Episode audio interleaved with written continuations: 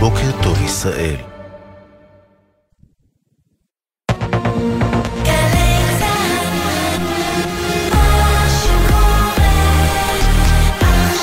גלי צה"ל, שש בבוקר. בוקר טוב ישראל, עם אפי טריגר, עורך ראשי שרון קינן. שלום לכם, בשעה זו מותר לפרסום שמו של חלל צה"ל שנפל בקרב בדרום רצועת עזה, הודעה נמסרה למשפחתו, סמל ראשון נריה בלטה, בן 21 משבי שומרון, לוחם בסיירת גבעתי. יהי זכרו ברוך. היום ב-11 לפני הצהריים יובא למנוחות רב סרן אייל שומינוב בבית העלמין בעיר כרמיאל. אייל, מפקד פלוגה בגדוד שקד 424 בחטיבת גבעתי, נפל אתמול בקרב בצפון הרצועה. והוא בן 24. הוא נפצע בתחילת התמרון הקרקעי, אך התעקש לחזור ולהילחם. חיים סויבלמן, מחנכו של אייל מבית הספר התיכון, סיפר לבוקר טוב ישראל על התלמיד שהצטיין בכל תחום. אין מישהו שהיה צריך משהו, אייל שמה. הוא גם בטיולים, אה, היינו צריכים לעזור אה, בכל מיני מסלולים, אייל שמה. כל מה שהיה לו קשה, הוא היה מתמודד, מנסה, לא מוותר. קבינט המלחמה אישר הלילה למשלחת מטעם ישראל לצאת לקטאר במהלך השבוע להמשך שיחות המשא ומתן על עסקה חדשה לשחרור חטופים. זאת לאחר שגורם מדיני בכיר אמר אתמול כי עסקה עדיין רחוקה, אבל חמאס ירד מחלק מדרישותיו. אמש קיים קבינט המלחמה דיון טלפוני על ההסכמות בין ישראל למתווכות שהתקבלו בפסגה בפריז בסוף השבוע.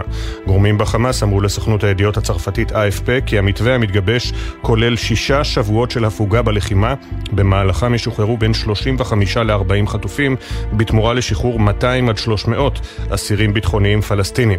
אלפים הגיעו אמש לכיכר החטופים בתל אביב ולמוקדים נוספים לעצרת השבועית בתמיכה במשפחות החטופים וקריאה לשחרורם. זו השבת ה-17 ברציפות. משפחות החטופים שנאמו על הבמה ביקשו לחזק את ידי צוות המשא ומתן של ישראל. ענת אנגרסט, שבנה מתן נחטף מנחל עוז, פנתה אל ראש הממשלה. תתעסקו רק בדבר אחד, להחזיר אותם הביתה. אבא שלי בן 83, אל תיתן לו לחזות בנכד שלו עובר סלקציה נוספת. אל תיתן יד לעסקה חלקית. 21 מפגינים נעצרו אמש במחאה נגד הממשלה בצומת קפלן בתל אביב. לראשונה מאז פרוץ המלחמה נעשה שימוש נרחב במכתזית נגד מפגינים שניסו לחסום את הצומת לתנועה. במקום נרשמו עימותים קשים בין המפגינים למשטרה לאחר שההפגנה הוכרזה בלתי חוקית. הצומת נחסם למשך יותר משעה, מפגינים הדליקו אבוקות. חמישה מפגינים נפגעו קל מהמכתזית.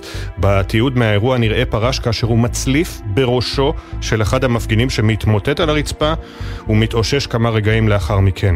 במקרים רבים השימוש במכתזית נעשה גם כלפי בני אדם שעמדו על המדרכה מבלי להפריע לתנועה בכביש. שירה, מפגינה שנפגעה ממכתזית, שוחחה עם בוקר טוב ישראל.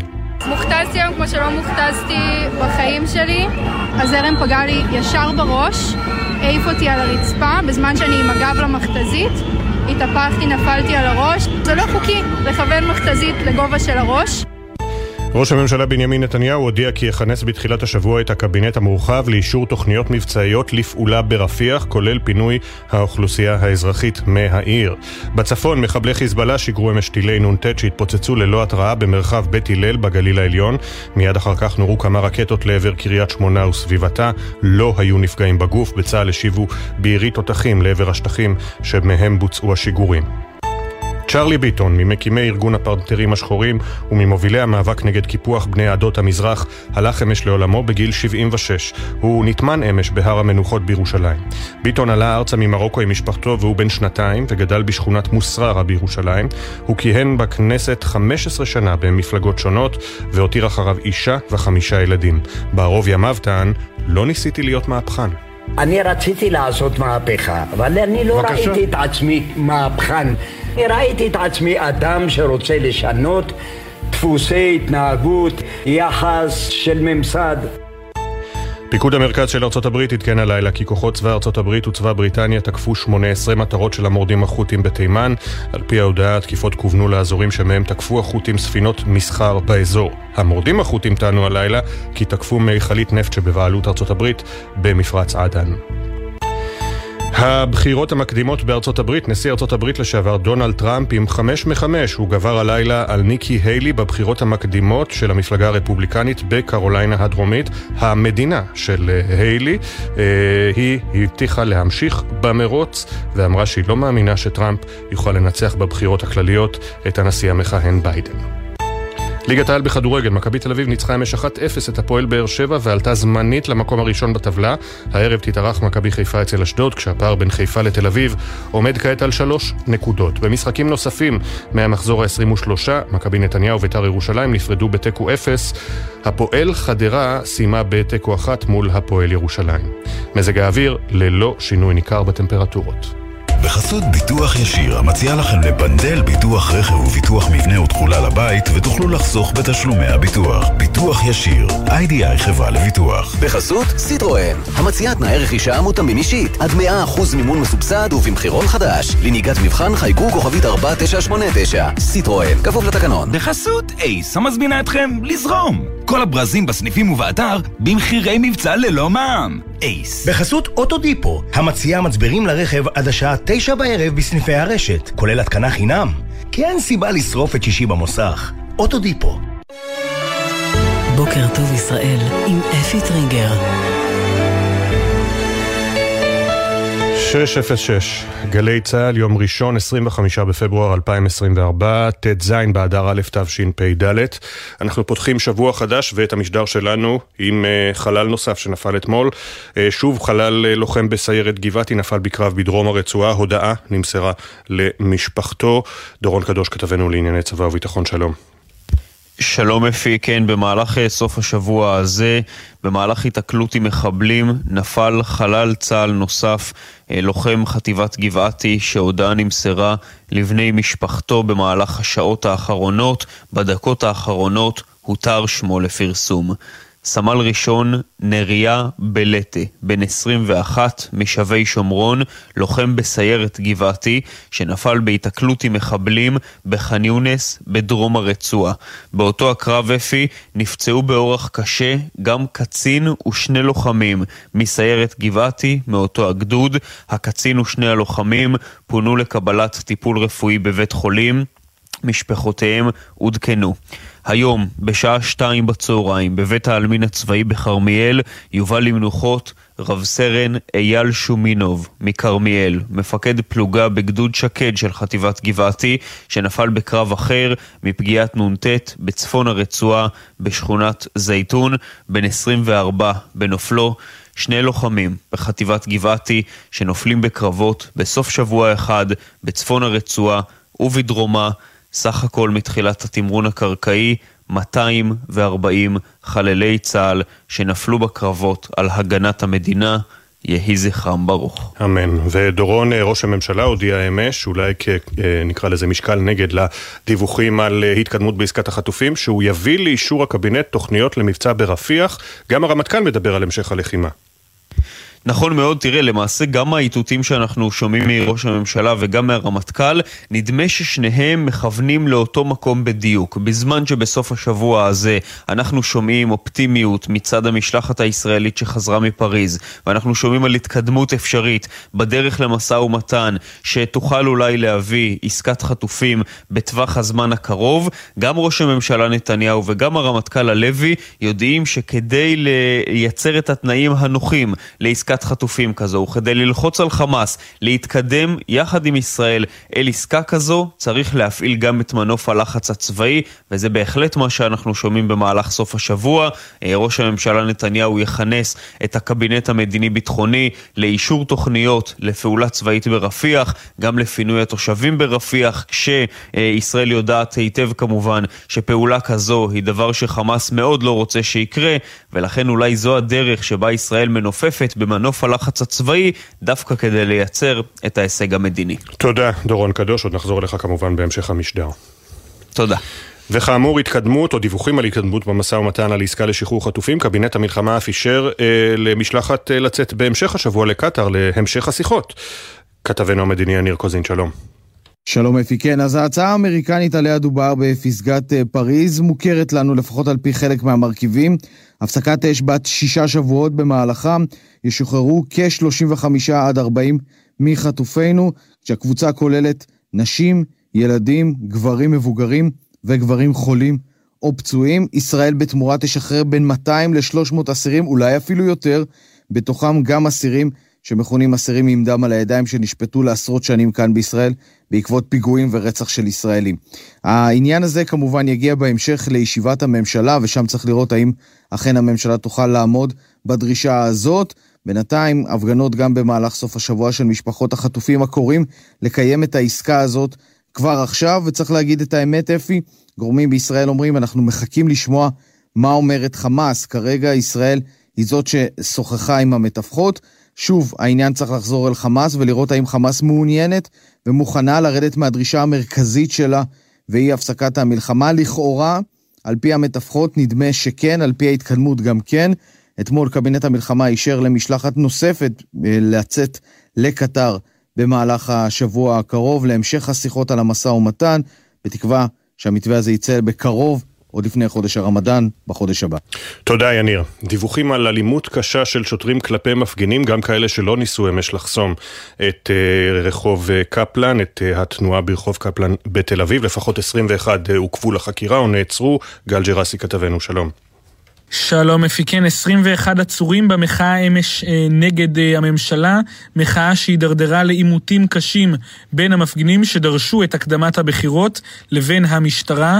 המחאה החלה בדרך קפלן, המפגינים ניסו להגיע לצומת קפלן עצמו, לחסום את התנועה.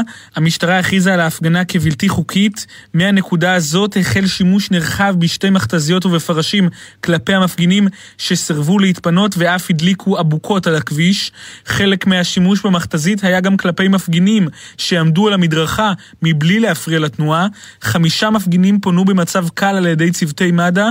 בתיעוד מההפגנה נראה פרש כאשר הוא מצליף בראשו של אחד המפגינים שמתמוטט על הרצפה ומתאושש כמה רגעים לאחר מכן. עוד בצומת קפלן, בהתארגנות נפרדת מהמחאה נגד הממשלה, התקיימה צעדה בהובלת מספר בני משפחות חטופים וגם אילנה גריצ'בסקי ששבה משבי החמאס. המשתתפים קראו להשבת החטופים, גם הם נפגעו על ידי אותו שימוש נרחב במכתזיות. יושב ראש האופוזיציה יאיר לפיד הגיב על האירועים, אלימות המשטרה הערב כלפי המפגינים ובתוכם גם משפחות החטופים היא מסוכנת, אנטי דמוקרטית ואינה יכולה להימשך כך, כך מלשכת יושב ראש האופוזיציה. תודה, גל. יותר מ-50 שנה אחרי המהפכה שהובילה תנועת הפנתרים השחורים, צ'רלי ביטון, מראשי המחאה הזו, הלך לעולמו אמש בגיל 76. שחר גליק כתב בתחום הפוליטי, שלום.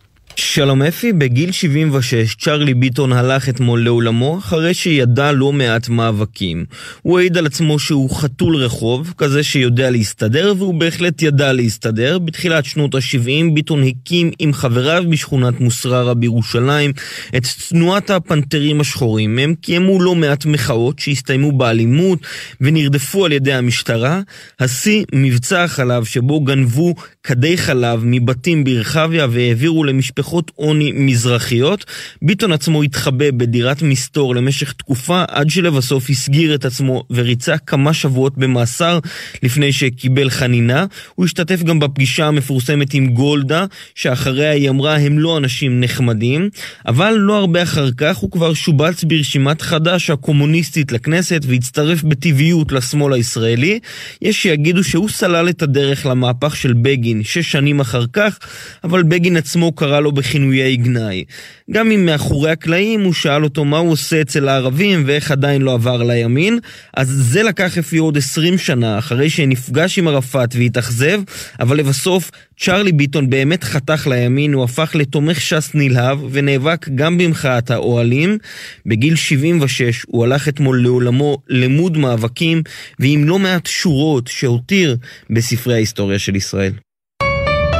תודה שחר, צ'רלי ביטון, זיכרונו לברכה, עליו, וכמובן על כל הנושאים ששמענו ועוד רבים אחרים. נרחיב בבוקר טוב ישראל. בואו נעבור מהר על העיתונים.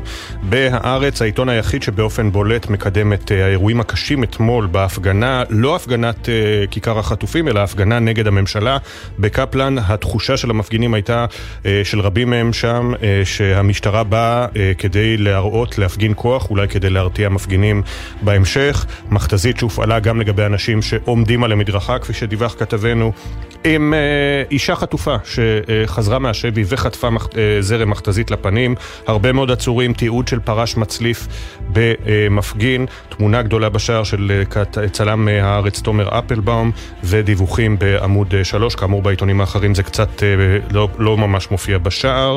הכותרת הראשית של הארץ, התקדמות ניכרת במגעים על שחרור החטופים, מדווחים יונתן ליס וג'קי חורי, מקורות סבורים שאפשר לגבש עסקה לקראת הרמדאן. בידיעות אחרונות חשיפה של יוסי יהושע בכותרת הגג, מסתמן ישראל תציג למצרים את תוכנית הפעולה ברפיח.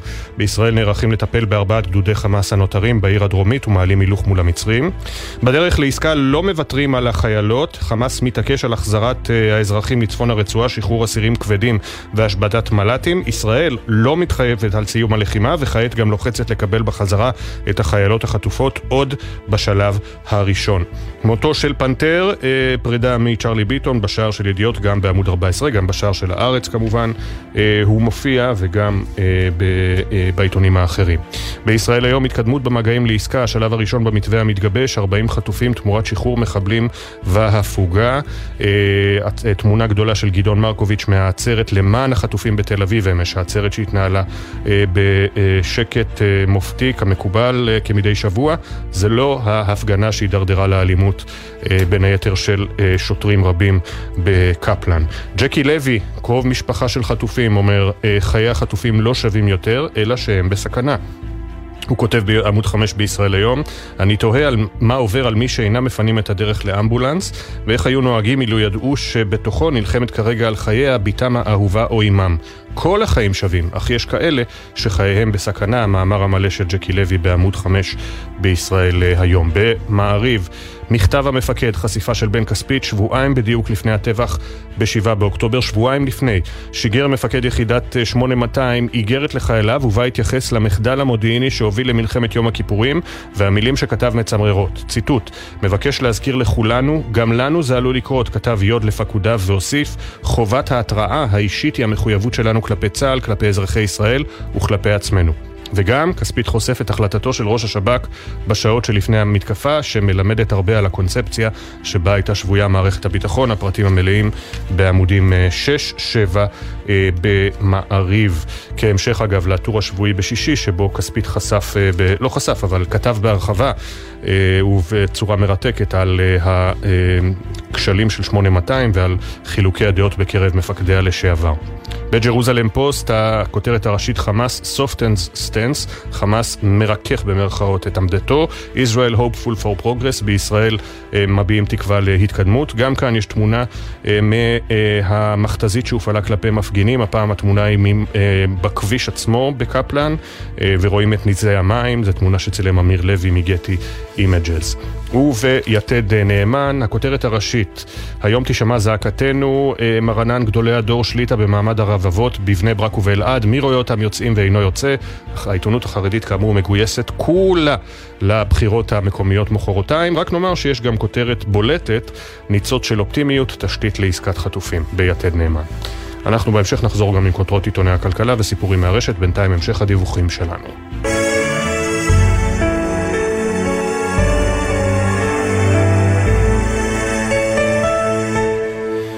סוכנות אה, אונר"א הידועה לשמצה הודיעה כי היא אה, מפסיקה לחלק את הסיוע ההומניטרי לצפון הרצועה, לרצועת עזה, בגלל אירועי ביזה ואלימות. כל זה כמובן כשמעליה מתנוסס הדגל השחור של החקירות הרשמיות על שיתוף פעולה לכאורה של כמה מעובדיה עם הטבח ב-7 באוקטובר. שלום לכתבת חדשות החוץ שחר קנטובסקי. שלום אפי, בוקר טוב. סוכנות אונר"א הודיעה אמש שהיא תפסיק להעביר את משלוחי הסיוע ההומניטרי שלה לצפון עזה, על רקע חוסר יכולת לבצע פעולות הומניטריות באזור. באו"ם נימקו את הצעד הזה בכך שבהתאם להערכות שלהם בחודשים האחרונים, אזרחים עזתיים הגיעו למצבי רעב, בעיקר בצפון, מה שמעלה את כמות הבזיזות וההתנפלויות האלימות על רכבי המשלוחים ואפילו על הנהגים עצמם. מנהלת קשרי החוץ של האו"ם, תמרה אלריפאי, הסבירה התנהגות נואשת של אנשים רעבים ותשושים במקום מפרה את ביטחון המשאיות שלנו, ועצירת השילוח של המשאיות על מנת להגן עליהם כבר לא מאפשרת לנו לספק סיוע הומניטרי נאות. זה כמובן מגיע גם ברקע האזהרות על כך שאונר"א עשויה להפסיק לחלוטין את פעילותה בגלל עצירת המימון לארגון במחאה על השתתפות כמה מעובדיו בטבח ב-7 באוקטובר. בעצירת השיירות לצפון עזה הסוכנות מצטרפת בעצם לתוכנית המזון העולמית, ה-WFP, שהודיעה לפני שבוע גם היא על השעיית משלוחיה לצפון הרצועה בגלל אלימות מצד התושבים העזתיים וירי שבוצע לעבר המשאיות, ואם מדובר בתחילתה של מגמה, אז הצעד הזה כנראה רק יגביר את הרעב שעלול להגביר את הפזיזות על המשלוחים ההומניטריים שכן יגיעו לשם.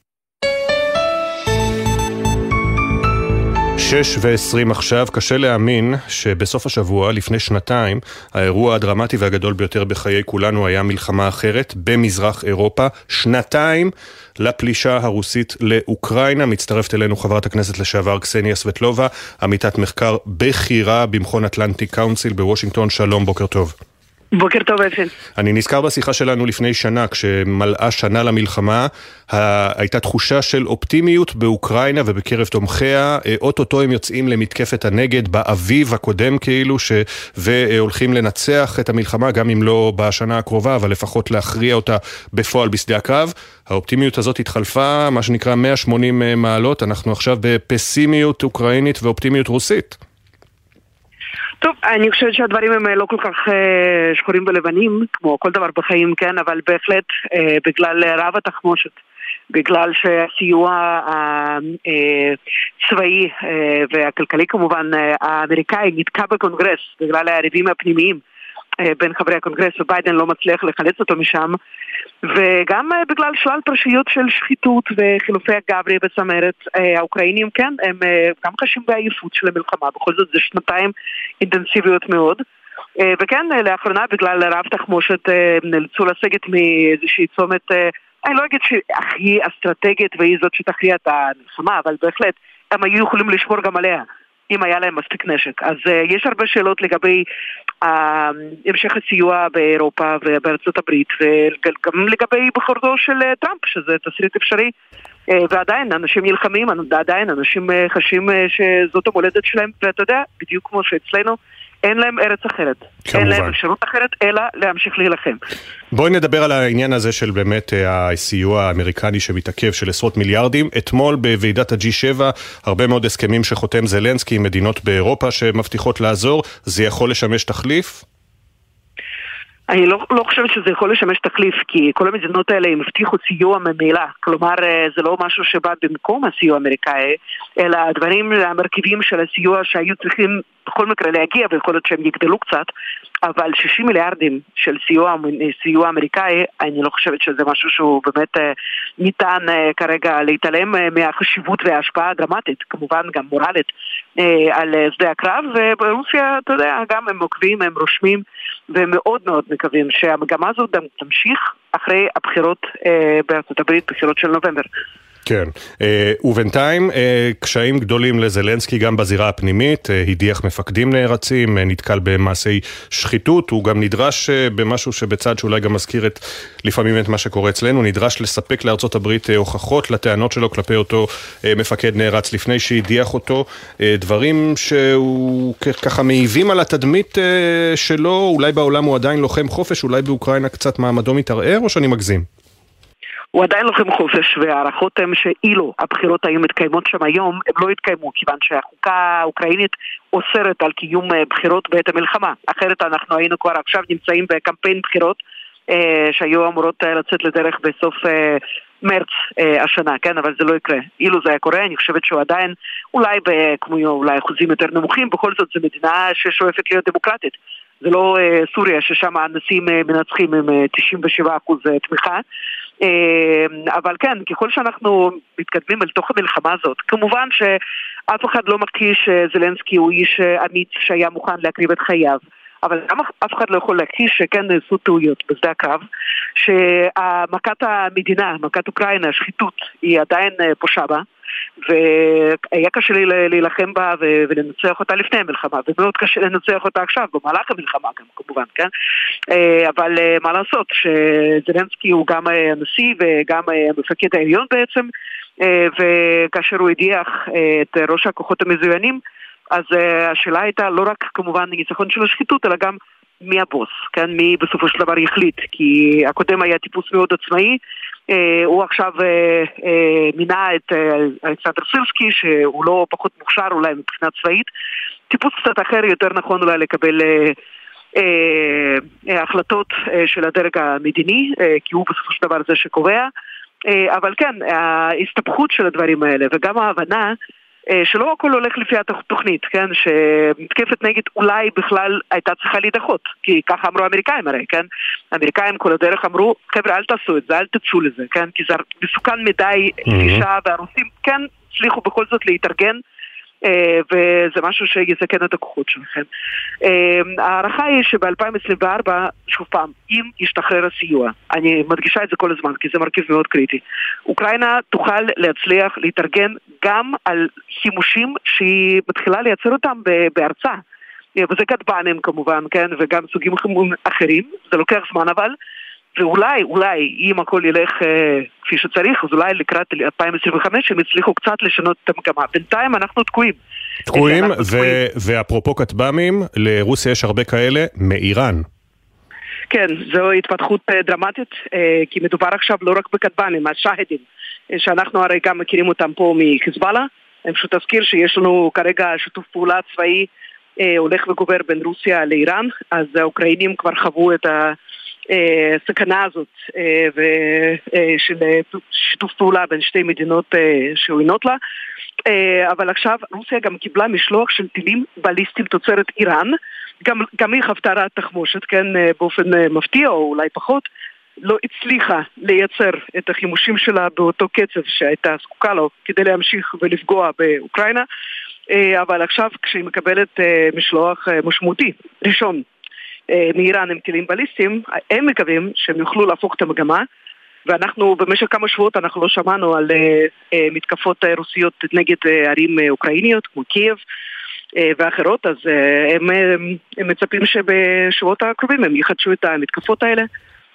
וכמובן שאנחנו בישראל צריכים כל הזמן לזכור שיש לנו אויבים משותפים וסוגי הנשק הם סוגי הנשק שהשתמשו אולי גם אה, בנו, כן, בחזיתות כאלה ואחרים. ויש לנו כרגע הרבה מה ללמוד מאוקראינה, כן, על זה דיבר שר ההגנה האוקראיני שביקר רק עכשיו לקראת השנתיים למלחמה, הוא ביקר בתל אביב והוא הזכיר, ואני חושבת שאנחנו יכולים להסכים איתו, כן, שהחיילים האוקראינים, הצבא האוקראיני, הם צברו עכשיו ניסיון שהוא אי אפשר, הוא לא בר תחליף, כן, אנחנו צריכים ללמוד מהם ולהבין מה זה הנשק האיראני הזה עכשיו כיצד הוא נראה בשדה הקרב אה, ומה המשמעויות שלו, כיצד ניתן להיערך אה, שוב פעם למלחמה כזאת או אחרת שיכולה לפרוץ אה, גם בגבולות mm-hmm. שלנו.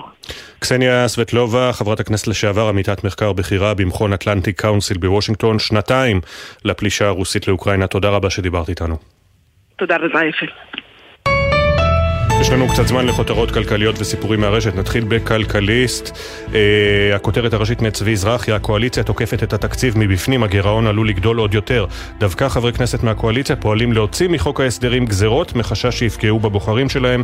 מרכז הקואליציה בוועדת הכספים, אליהו רביבו מהליכוד, מתנגד לביטול הפטור על טבק, טבק בדיוטי פרי, כי המס יפגע בעובדי רשות שדות התעופה שהם בוחריי. היו"ר משה גפני מטרפד חובת דיווח על השכרת דירות בגיבוי יתר חברי הקואליציה, וכן מונע צמצום סכום הפטור ממס על השכרה, גם החלת חוק המזומן על צ'יינג'ים צפויה ליפול ולהקשות על המאבק בהון השחור ועוד ועוד, הפרטים בעמודים 4-5 בכלכליסט. גולן חזני מדווח בלעדית, המצגת של דואר ישראל לקראת ההפרטה נחשפת.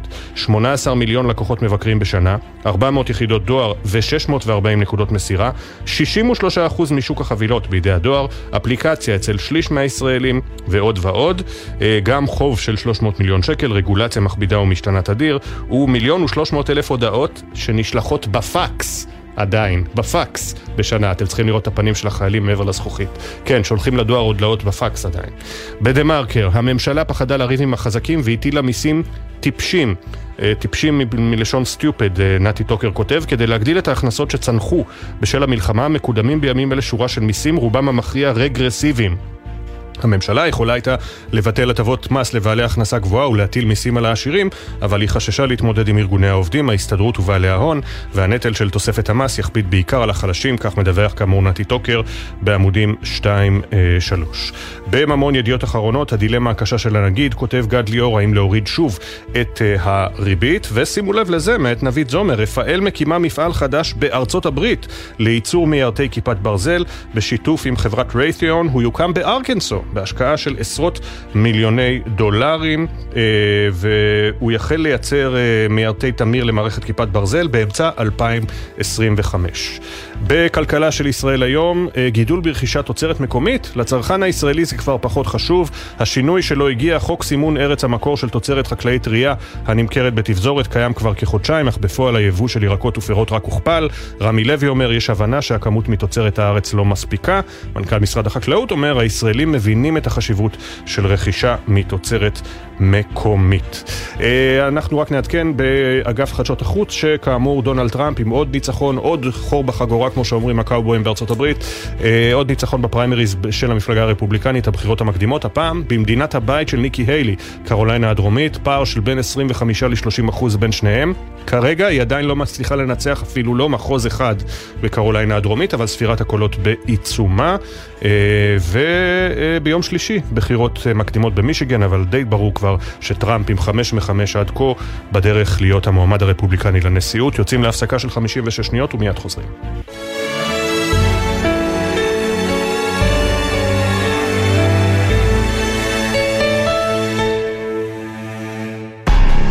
אתם מאזינים לגלי צה"ל. גלי צה"ל ומערכות מציגים. האנשים האלה הם גיבורים בצורה שאי אפשר להבין בכלל.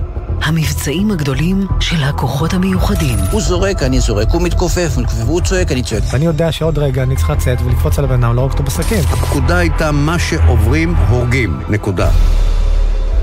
הסכת השופך אור חדש על הפעולות שבנו את האתוס של צה"ל ומחבר את העבר אל ההווה. אנחנו נלחמים ומגיעים עד קצה העולם בכדי להציל את האזרחים שלנו, זה תמצית הציונות.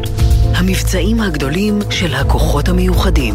מוצאי שבת בתשע, ובכל זמן שתרצו, באתר וביישומון גל"צ גלגלצ, ובכל מקום שאתם מאזינים להסכתים שלכם. עכשיו בגלי צה"ל, אפי טריגר, עם בוקר טוב ישראל. כמעט 6.32 הכותרות. הותר לפרסום שמו של חלל צה"ל שנפל בהיתקלות עם מחבלים בדרום רצועת עזה, הודעה נמסרה למשפחתו. סמל ראשון נריה בלטה, בן 21 משבי שומרון, לוחם בסיירת גבעתי. בהיתקלות שבה נפל נריה, נפצעו קשה קצין ושני לוחמים בסיירת גבעתי, הם פונו לטיפול רפואי וגם משפחותיהם עודכנו. בשתיים אחר הצהריים יובא למנוחות רב סרן אייל שומינוב בבית העלמין בעיר כרמיאל. אייל, מפקד אה, פלוגה בגדוד שקד, 424 בחטיבת גבעתי, נפל אתמול בקרב בצפון רצועת עזה והוא בן 24. הוא נפצע בתחילת התמרון הקרקעי, אך התעקש לחזור ולהילחם ברצועה. חיים סויבלמן, מחנכו של אייל מבית הספר התיכון, סיפר לבוקר טוב ישראל על התלמיד שהצטיין בכל תחום. אין מישהו שהיה צריך משהו, אייל שמה. הוא גם בטיולים, אה, היינו צריכים לעזור אה, בכל מיני מסלולים, אייל שמה. כל מה שהיה לו קשה, הוא היה מתמודד, מנסה, לא מוותר. יהי זכר הנופלים ברוך. קבינט המלחמה אישר הלילה למשלחת ישראלית לצאת לקטאר במהלך השבוע להמשך שיחות משא ומתן על עסקה חדשה לשחרור חטופים. זאת לאחר שגורם מדיני בכיר אמר אתמול כי עסקה עדיין רחוקה, אבל חמאס ירד מחלק מדרישותיו.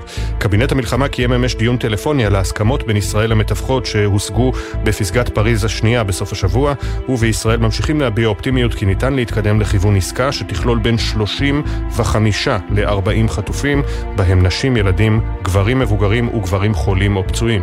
בתמורה לכך ישוחררו כ-300 אסירים פלסטינים, והלחימה תיעצר לשישה שבועות.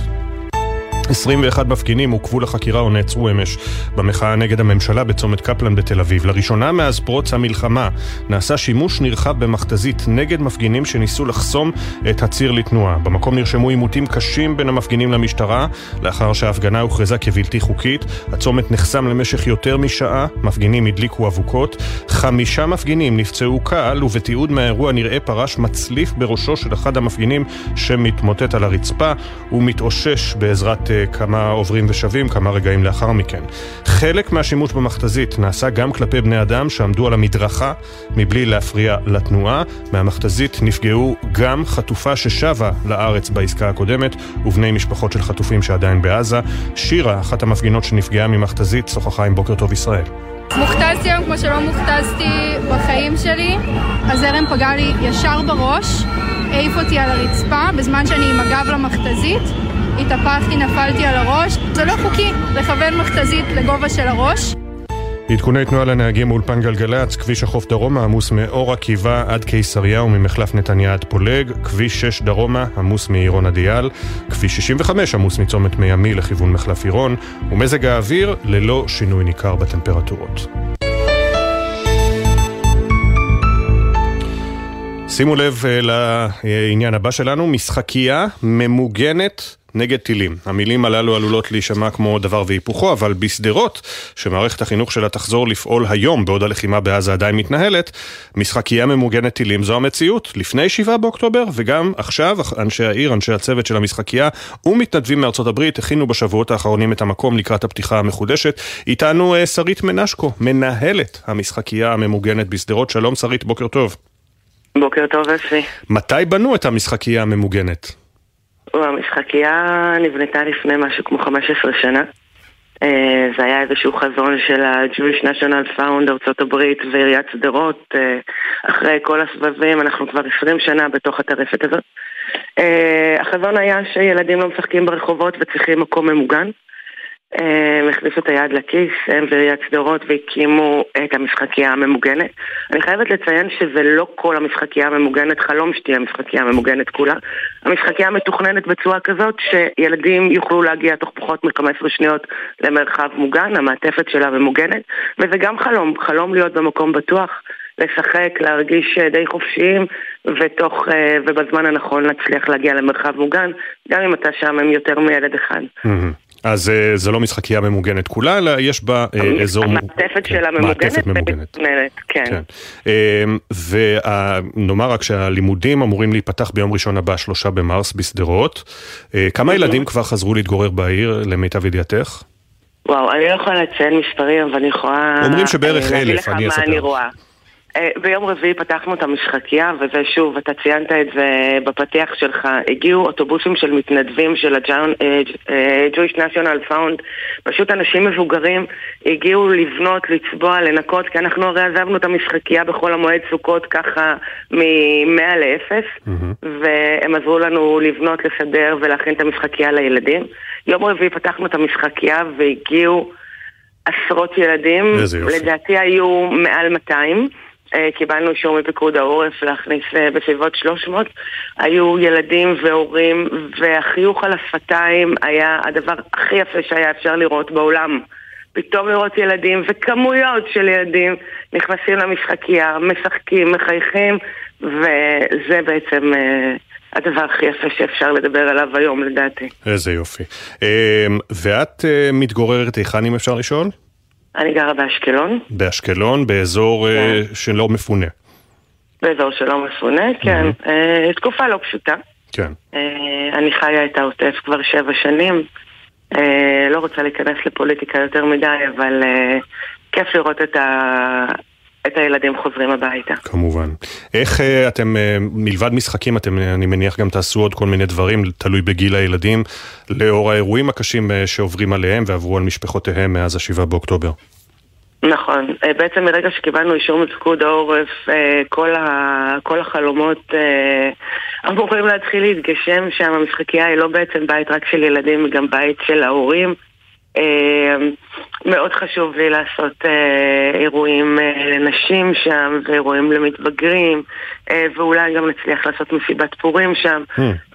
עצם זה שהמקום ממוגן נותן לנו אפשרות להגשים הרבה חלומות, ואני מקווה שנוכל לעשות את זה.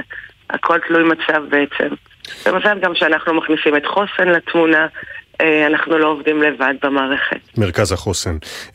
תחושה שלך, אנשים כמהים לחזור הביתה לשדרות? אוי, האוטומט רוצה שגרה. כן. אנחנו רוצים שגרה, אנשים חוזרים הביתה. שוב, לא נכנסת לפוליטיקה. ברור, ברור, לא, בלי פוליטיקה, רק כן, תחושה שלך. כן, אנשים רוצים לחזור הביתה, אנשים רוצים שגרה. אה, אבל אנחנו כל הזמן עם האצבע על הדופק. כל אה, הזמן עם האצבע על הדופק. אה, לפני 7 באוקטובר, אני מניח שהיו מקרים לא מעטים שבתוך תוך כדי המשחקייה פתאום שומעים צבע אדום. נכון. ואז מה? ואז לוקחים את הילדים לאזור הממוגן. כן, המדריכים שלי יודעים בדיוק מה לעשות, ההורים גם מקבלים תדרוך, אה, תדרוך בכניסה, ומה לעשות, הילדים בעוטף אה, זה ילדים אלופים שיודעים אה, בדיוק מה לעשות תוך שלוש-ארבע שניות, כולם חדרים מוגנים. Hmm. לא נעים. לא זה נעים, אבל זה זה המציאות. לא נעים כן. בכלל. כן. אבל לפחות יש לנו את זה. נכון. זה, זה, זה מתנה גדולה, באמת זה מתנה גדולה. יפה, אז המשחקייה נפתחת אה, בכל בוקר ראשון עד חמישי, מ-12 בצהריים עד 5, בינתיים 5 שעות. נכון. נכון, בינתיים זה השעות שפתחנו, אנחנו קשובים לקהילה, אנחנו כל הזמן מראיינים גם את ההורים וגם את הילדים, רואים מה המתכונות של, אה, של משרד החינוך, ובהתאם לצורכי הקהילה אנחנו מתאימים את שעות הפעילות של המשחקייה. יפה, שרית מנשקו, מנהלת המשחקייה בשדרות, שתוכלו להתרכז רק במשחקים ובפעילויות לילדים. תודה רבה שדיברת איתנו. ושכל בוקר תדבר רק על דברים כאלה טובים. הלוואי, הלוואי. תודה רבה. יום טוב. יום ביי טוב. ביי. שש וארבעים, אנחנו ממשיכים הבוקר במיזם שלנו מאחורי השמות. כזכור, עברנו למתכונת אה, שבועית אחרי שעד לשבוע שעבר אה, הבאנו לכם 1,384 סיפורים של נופלות, נופלים, נרצחות ונרצחים. מדי יום ראשון אנחנו נספר כאן משהו על אה, הנוספים, על כל נרצח ונופל, אנקדוטות שאת חלקן בני משפחה וחברים שלחו לנו. נעשה זאת על כל אחד ואחת מאחורי השמות.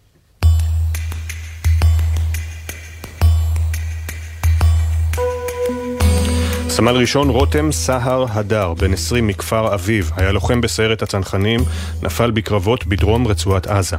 כנער, לרותם לא נותרה דקה אחת פנויה. הוא עבר בין הדרכה בצופים, נגינה בכישרון על גיטרה ופסנתר, טיולים ברחבי הארץ, ובדרך הספיק גם להפגין ביצועים על מגרש הכדורסל. ישי גרטנר, בן 23 ממודיעין עילית, נרצח בפיגוע בצומת ראם. ישי היה תלמיד ישר וצנוע, שהציב את כיבוד ההורים מעל הכל.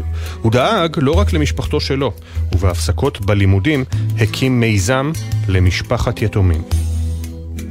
סמלת ראשונה עומר שרה בנג'ו, בת 20, מגאה, הייתה בקרית איסוף יבשתי בגדוד 869 בעוצבת הגליל, נהרגה מפגיעת רקטה בבסיס בצפון הארץ.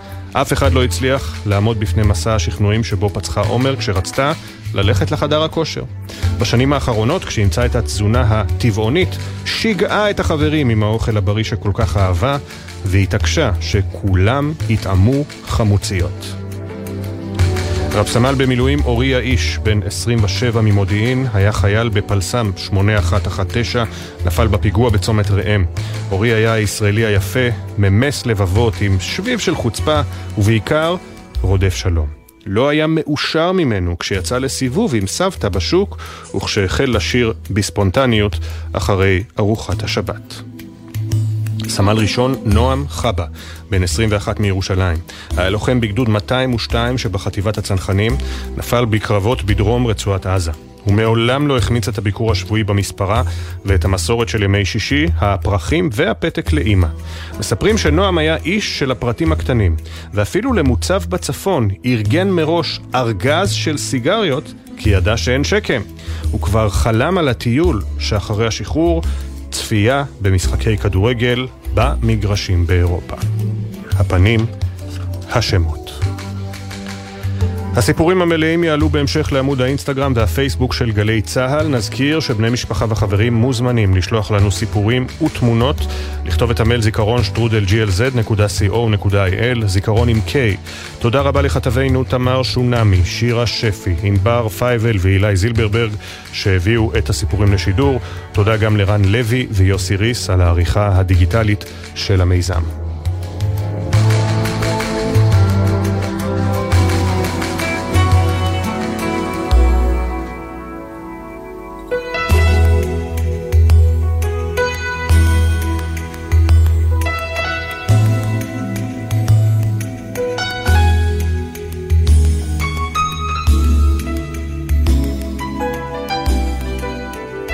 זו הייתה פינת הפנים והשמות, כאמור מדי יום ראשון בסביבות השעה 6 ו-40. מזכירים לכם את הכתובת זיכרון שטרודל glz.co.il, זיכרון עם K. יש מעט מאוד אנשים שיכולים לומר או לכתוב בקורות החיים שלהם או, כש... או לספר כשהם יוצאים לפנסיה שהם השפיעו ממש על מהלך החיים במדינה, שהם עשו משהו שובר שוויון. הם לא בהכרח אנשים שכיהנו בתפקידים רמים במשק או במערכת הפוליטית, חלקם אה, פשוט עשו את השינוי מתוך החברה החוצה, לפעמים גם באמצעים שבתחילת הדרך נחשבים אה, לא חוקיים או שנויים במחלוקת, והיום הנושא שהם אה, קידמו אז הוא בקונצנזוס מלא מלא, כמו שנהוג לומר בימינו. כך צ'רלי ביטון, זיכרונו לברכה, אמש הובא למנוחות בהר המנוחות אה, בגבעת שאול בירושלים. מותו של פנתר, זו הכותרת הבוקר בידיעות אחרונות. אנחנו רוצים לדבר עליו עם הפרופסור סמי שלום שטרית, יוצר הסרט הפנתרים השחורים מדברים. שלום לך, בוקר טוב. בוקר אור. וגם חברת הכנסת אה, נעמה לזימי מהעבודה. אה, שלום לך, בוקר טוב. שלום, בוקר טוב. הפרופסור סמי שלום שטרית, איך אה, נסכם את אה, פועלו של צ'רלי ביטון? כן, אה, פועלו של צ'רלי ביטון הוא פועלם של הפנתרים השחורים. צ'רלי היה אחד המנהיגים האמיצים, הנועזים, איש של אמת. תמיד אמר בפנים מה שיש לו, ולא אחד בפה ואחד בלב, הוא פיו וליבו יושבים. אני חושב שהפנתרים, אני חושב, כתבתי על זה אה, בלי סוף, אני חושב שהפנתרים השחורים סימנו איזשהו קו בכרוניקה של החברה הישראלית, אה, שממנו אפשר לדבר על ישראל אה, אחרת מאשר ישראל שלפני הפנתרים השחורים. הפנתרים השחורים בעצם רשמו את הכתובת על הקיר. צריך לזכור, שלטה פה אה, מפלגה שתפסה את עצמה כסוציאליסטית, אז מחאה חברתית מול אה, אה, מפלגה, מפלגת שלטון סוציאליסטי זה... מפאי ההיסטורית כמובן. מפאי ההיסטורית זה נשמע מוזר כמובן להם בעיקר, והפנתרים השחורים בעצם איך אפשר לומר, זה הילד הקטן שצעק המלך הוא עירום, הם בעצם אה, אה, שמו את הנושא הזה אה, על השולחן, כלומר, בעצם אפשר לומר שזו התנועה החברתית הראשונה שאנחנו מכירים בהיסטוריה של החברה הישראלית.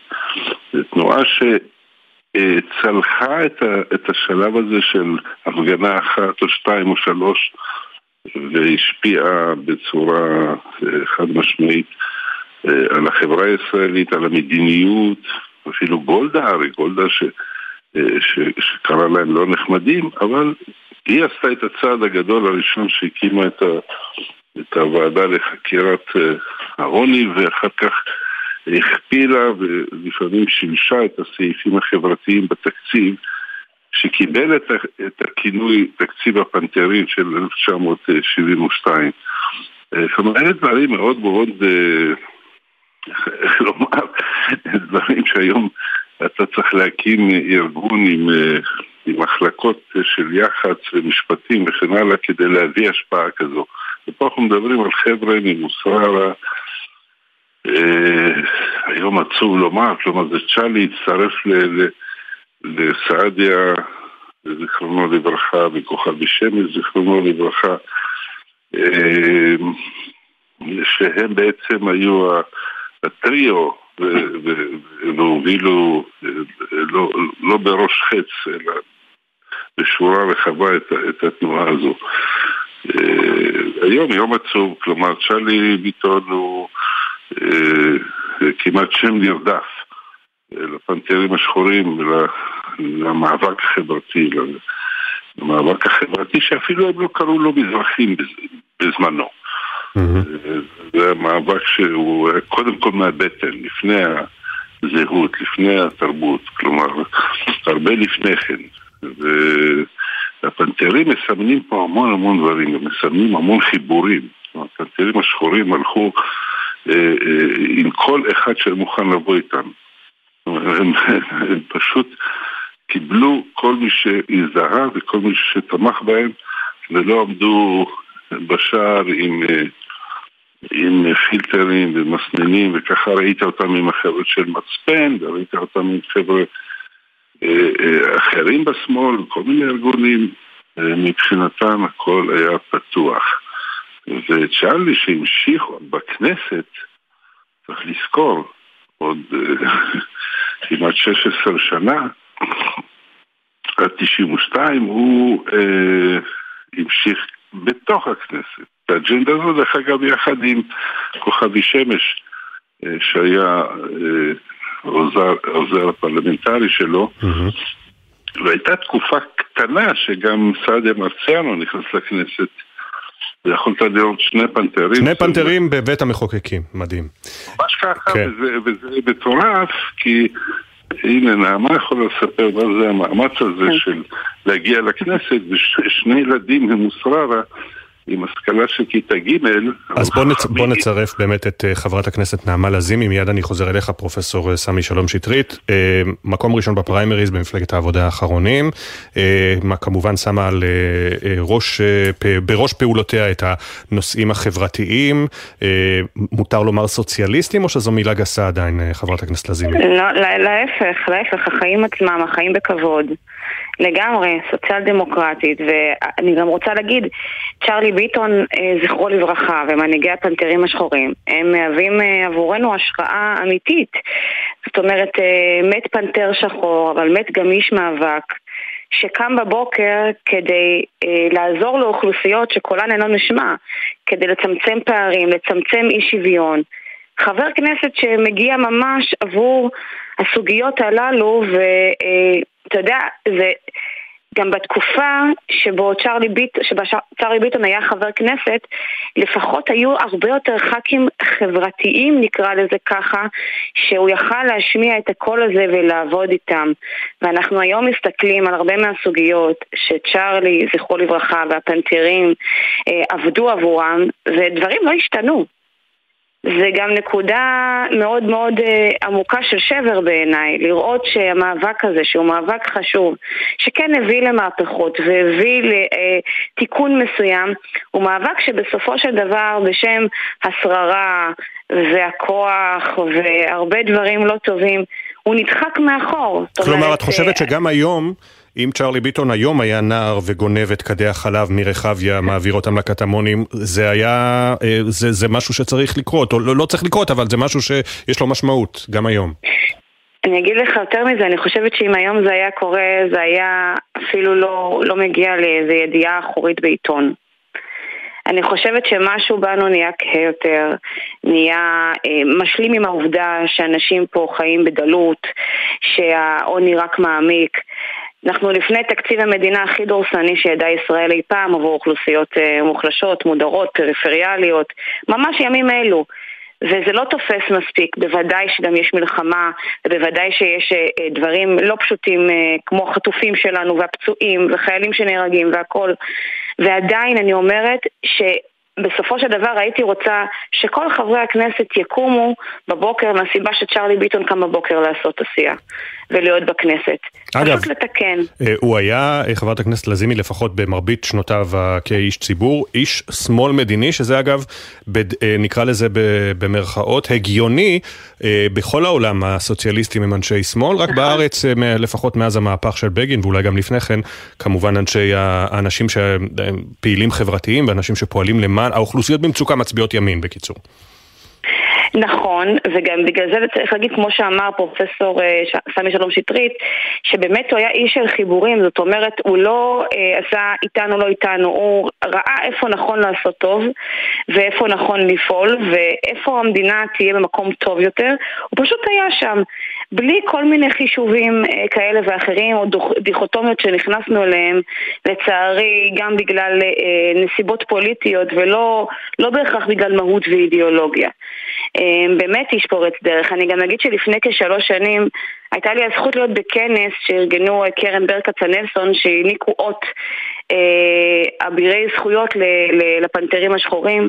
עמדו על הבמה צ'רלי ביטון וראובן אברג'ל, וזה היה מאוד מאוד מרגש לראות את המחנה שלי, כן, הסוציאל דמוקרטי השמאלי מוקיר להם את התודה העמוקה הזאת שמגיע להם בכנס הזה, אה, וכולנו נעמדנו על הרגליים. זה אחד הרגעים היותר מרגשים שאני זוכרת. כמובן, ונזכיר כדי... רק שהוא התרחק מאוד מהשמאל המדיני ועבר לימין בשנותיו האחרונות.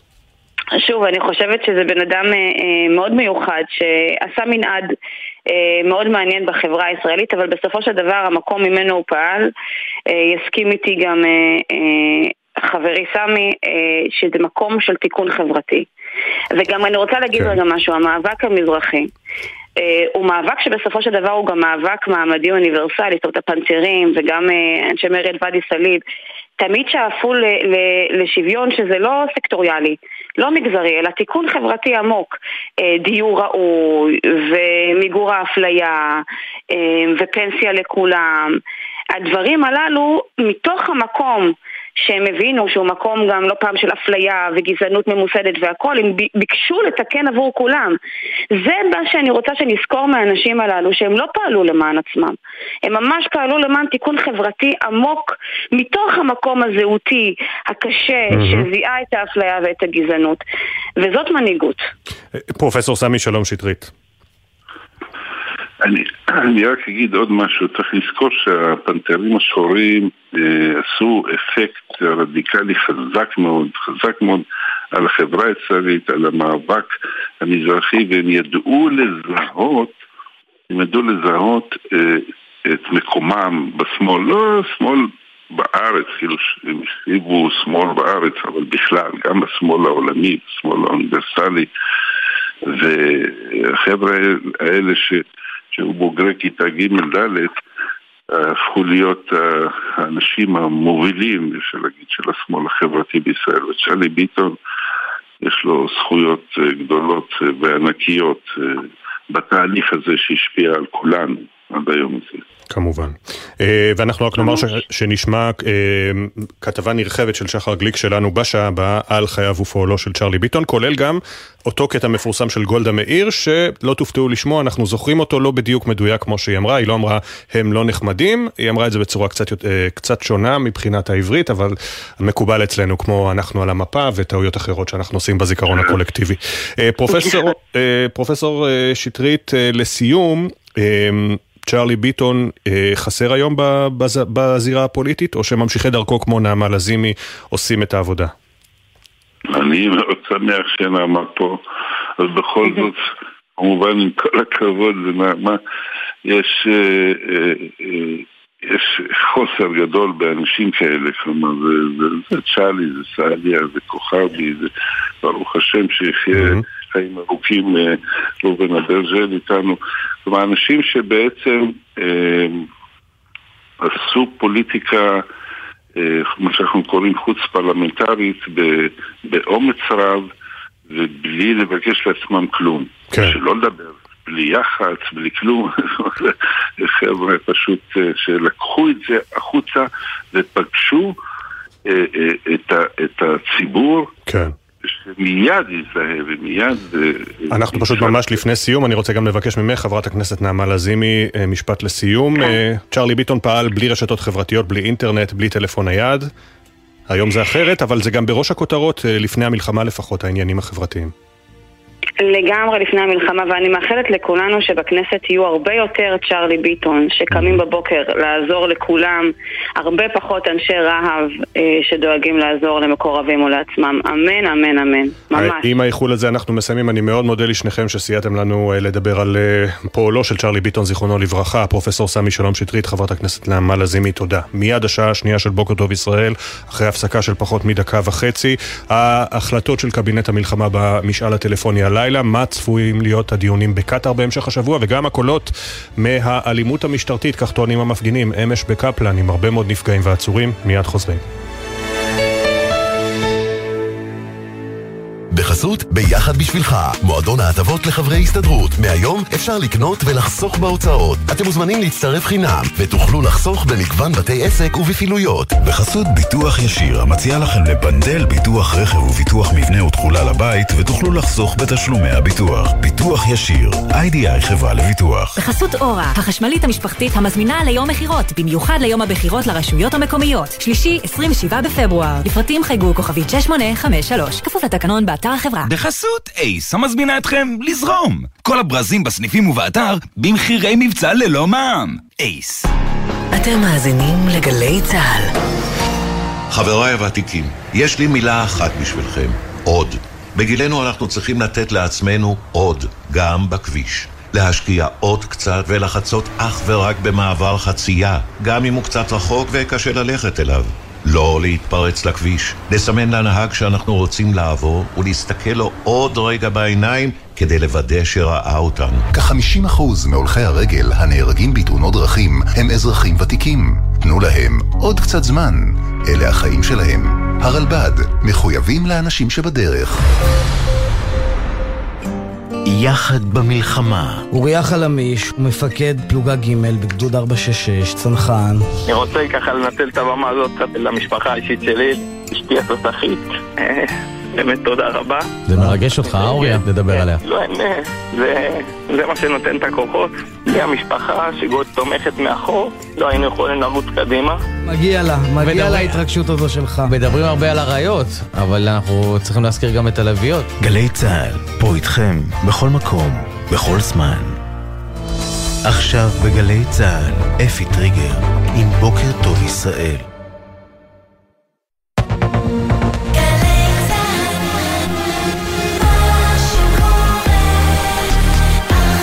שבע בגלי צה"ל.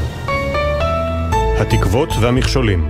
תתעסקו רק בדבר אחד, להחזיר אותם הביתה. קבינט המלחמה אישר הלילה למשלחת ישראלית לצאת לדיונים על עסקת חטופים בקטאר בהמשך השבוע.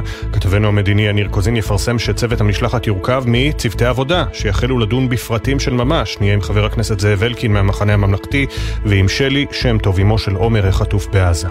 פרידה מלוחם חברתי.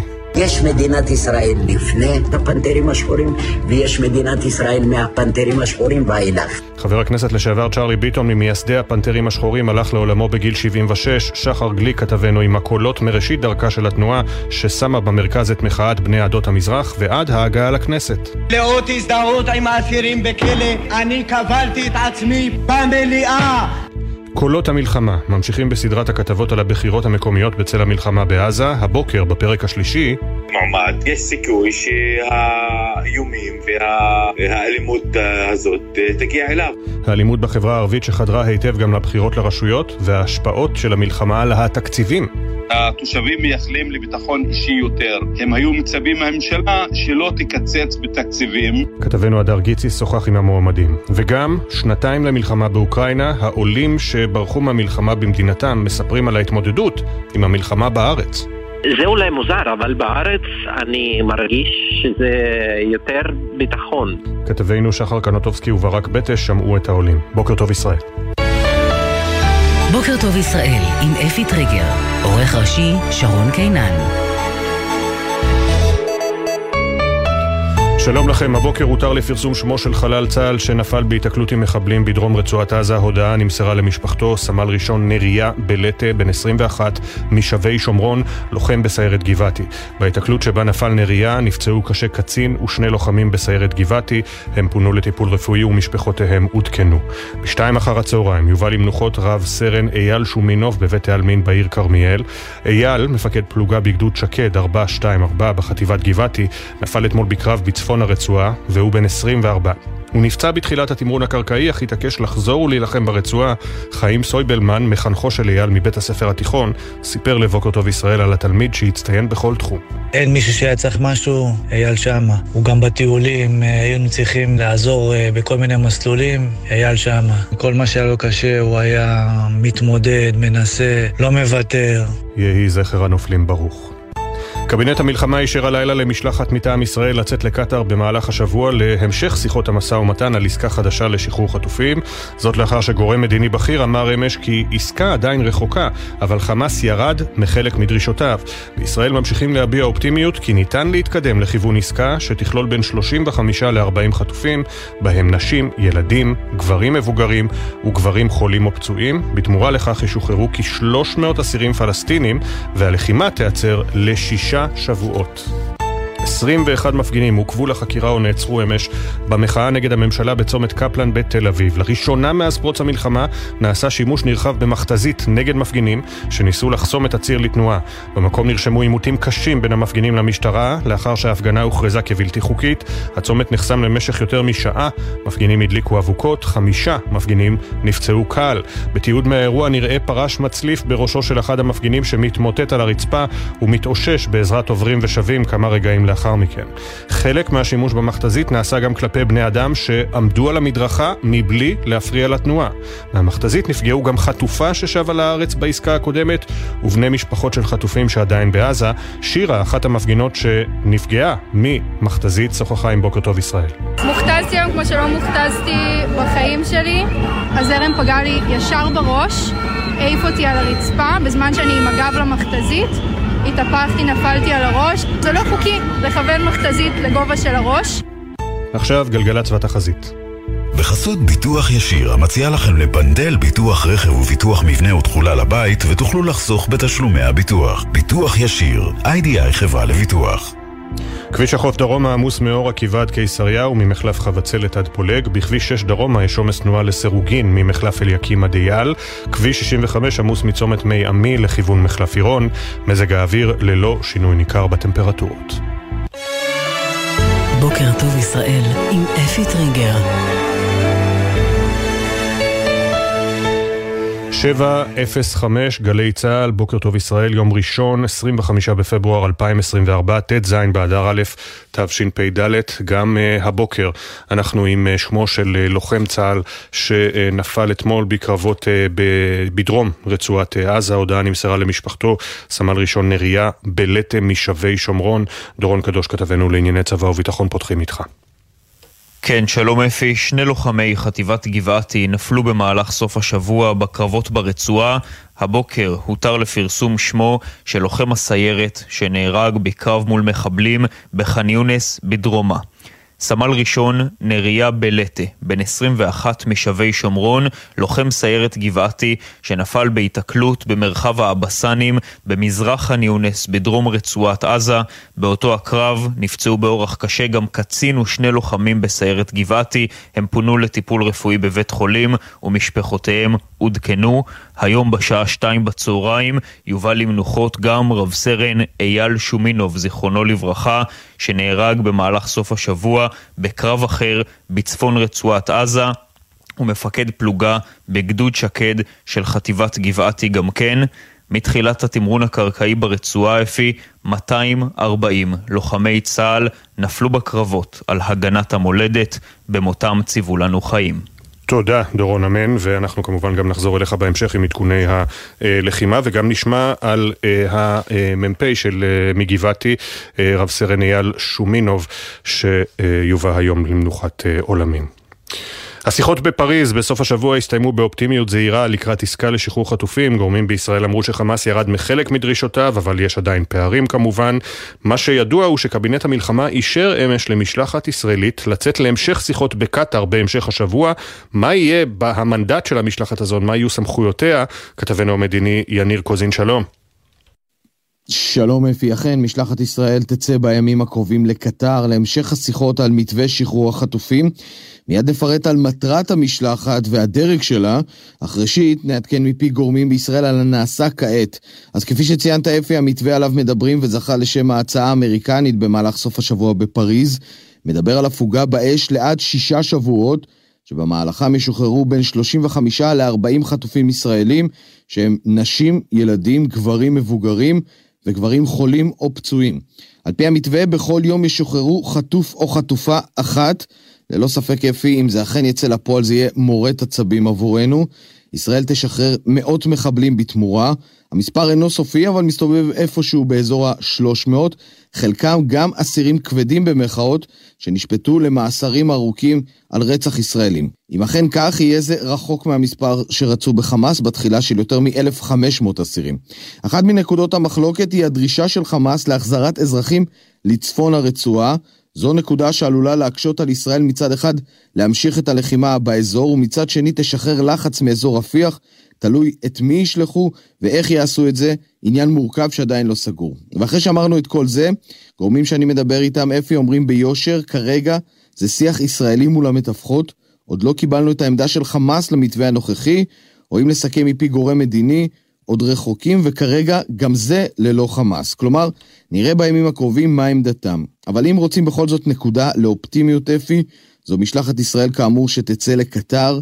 מדובר במשלחת בדרג ביניים, כלומר דרג של צוותי עבודה, והם יצאו לקטאר כדי לדון בגיבוש רשימות אסירים, נקודות הפריסה של צה"ל במהלך הפסקת האש, הגדלת הסיוע ההומניטרי כחלק מהמתווה, ועוד למעשה לבדוק כיצד ליישם את המתווה בשטח. זה מצביע על התקדמות חשובה, אך עם זאת אפי נאמר גם הבוקר, כי מדובר בהתקדמות, התקדמות חשובה, אך עדיין אין מתווה מוסכם על כל הצדדים, ולזה נצטרך לחכות בימים הקרובים. תודה יניר. אז הנה אנחנו עוברים אל הצד השני, חמאס. שם מצננים קצת את ההתלהבות מהדיווחים בסוף השבוע, אבל מודים שהמתווכות הניחו בפניהם הצעה שאפשר לדבר עליה. המשוכה העיקרית היא עדיין דרישת חמאס להפסקת המלחמה. ג'קי חוגי, פרשננו לענייני ערבים, שלום. שלום אפי, נכון, צדקת. אה, מה שחמאס אומרים ודובריהם הם ואומרים בסוף השבוע הזה דומה אה, באופן כללי לדברים שיניר סיפר זה עתה. לפי בכיר בחמאס שדיבר עם העיתון השארק אל-אוסד שיוצא לאור הבוקר, ישראל תקבל בשלב הראשון לעסקה את החטופים האזרחים, נשים, חולים וגברים מבוגרים, לכל היותר 40 חטופים, לא כולם נמצאים אצל חמאס, אבל חמאס אחראים לאסוף אותם מהיכן שהם מוחזקים. תמורת זה, המפתח הוא מסתמן הוא 15 אסירים כבדים כנגד כל ישראלי, כלומר בשלב הראשון ישראל תיתן כ-500 אסירים, יש בבתי הכלא אה, בישראל קרוב ל-10,000 אסירים ועצירים פלסטינים. לגבי אורכה של הפסקת האש, ההצעה כרגע מדברת על יום אחד לכל uh, חטוף שישוחרר. חמאס דורשים שיוכנסו לעזה מאות משאיות סיוע ביום. הם גם עמדו על כך שיוכנסו הרבה מאוד אוהלים למגורים. מסתמן שישראל מקבלת את הבקשה הזו. לגבי תנועת האזרחים חזרה לעזה, על זה אומרים בחמאס, הוסכם עקרונית שתהיה חזרה. מרפיח, שם הם חוסים לצפון הרצועה. תוך כדי הפסקת האש הזו, חמאס דורשים שיחות על הפסקת המלחמה, זה תנאי שישראל מסרבת לו, יצטרכו למצוא לו פתרון, אולי ידחו את הדיונים על זה לשלב השני, יכריזו שהם יתקיימו הדיונים אבל בהמשך, ובינתיים יתקדמו בשחרור הדדי, הסוגיה הזאת, השאלה הזאת לגבי הפסקת המלחמה, עוד בדיונים אצל המתווכים, בשלב השני שיתחיל אחר כך, ישוחררו חיילים וגברים בגיל מילואים מבין החטופים, בסוף יתבצעו חילופים חילופים הדדיים של גופות mm-hmm. בשלב השלישי. אלה הפרטים שיוצאים מחמאס ביממה האחרונה, דבר לא סגור כמו שיניר אמר לפניי, הכל עדיין נתון למשא ומתן. תודה ג'קי. תודה. עוד מעט יהיה איתנו גם חבר ועדת החוץ והביטחון של הכנסת, חבר הכנסת זאב אלקין, איש הקואליציה, ממשלת החירום על אה, המגעים. לפני כן, אה, דורון קדוש, חוזרים אליך, אנחנו אל הזירה הצפונית עם לא מעט אירועים במהלך סוף השבוע, אה, וברור שגם אם תהיה עסקה לשחרור חטופים והפוגה בלחימה של כמה שבועות, יהיו לכך השפעות גם על מה שקורה בצפון, דורון. נכון מאוד, אפי. בסוף השבוע הזה נמשכו חילופי המהלומות בין ישראל לחיזבאללה, עם אזעקות בלתי פוסקות אתמול במהלך כל היום ביישובים הסמוכים לקו הגבול. חיזבאללה שיגר בין 20 ל-30 רקטות וטילי נ"ט לעבר האזור, וצה"ל תקף ללא הרף בדרום לבנון. בשניים מהמבנים שהותקפו היו חוליות מחבלים, ועוד מפקדה מבצעית של כוח רדואן הותקפה גם היא.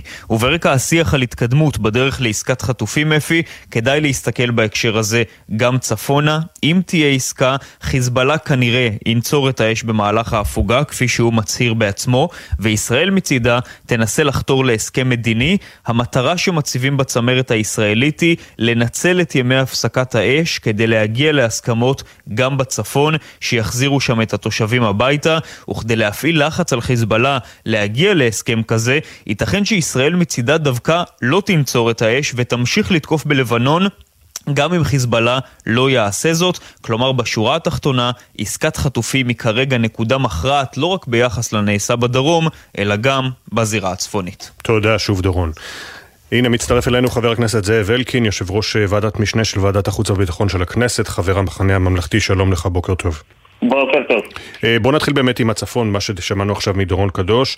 אתמול יום של אזעקות כמעט בלתי פוסקות, חיזבאללה לא מבין את הרמז אחרי התקיפות הישראליות שקצת עלו מדרגה. יכול להיות שצריך לנתק אותם מהמלחמה בעזה ולפעול שם אה, בצורה רצינית יותר?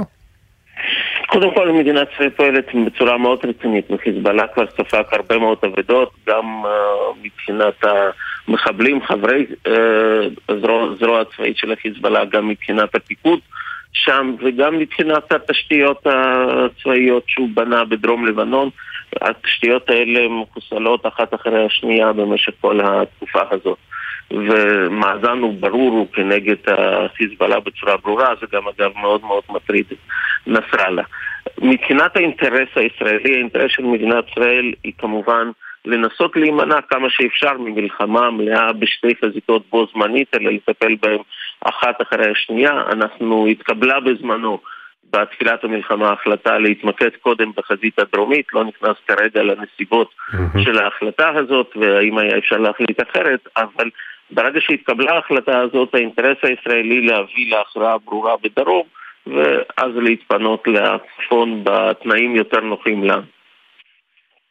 כאשר אנחנו מסתכלים, אתה יודע, חבר הכנסת אלקין, נעבור עכשיו אל המשא ומתן אה, ב- שהתחיל בפריז ויימשך בקטאר. אנחנו מסתכלים על הדיווחים שמגיעים על אה, מגעים שהופכים לאופטימיים יותר, על אפשרות לעסקה, אולי פריצת דרך בימים הקרובים, עסקה לפני רמדאן, רמדאן נז, נזכיר מתחיל בסביבות עשרה במרס. האם אה, אתה תתמוך בעסקה על פי המתווה שדווח כרגע?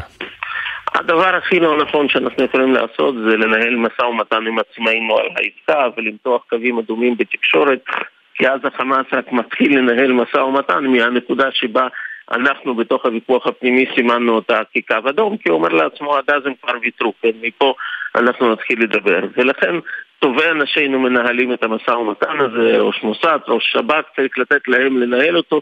ברגע שתהיה עסקה סגורה, שהם יבואו ויגידו זה המקסימום שאפשר להשיג ואנחנו ממליצים לדרג המדיני לאמץ את זה, אז כל אחד יצטרך לקבוע את עמדתו וגם אני בתוכם. קווים הכלליים אבל פורסמו אתמול ולא לא הוחשו על ידי גורם ישראלי רשמי. ברור שזה לא הסוף עדיין ועוד לא סוכם במשא ומתן. האם אתה למשל, אתה באופן אישי, אתה תומך בעסקה שהיא לא, שלא מביאה לשחרור כל החטופים, אלא רק כרגע כנראה ל-40 חטופים?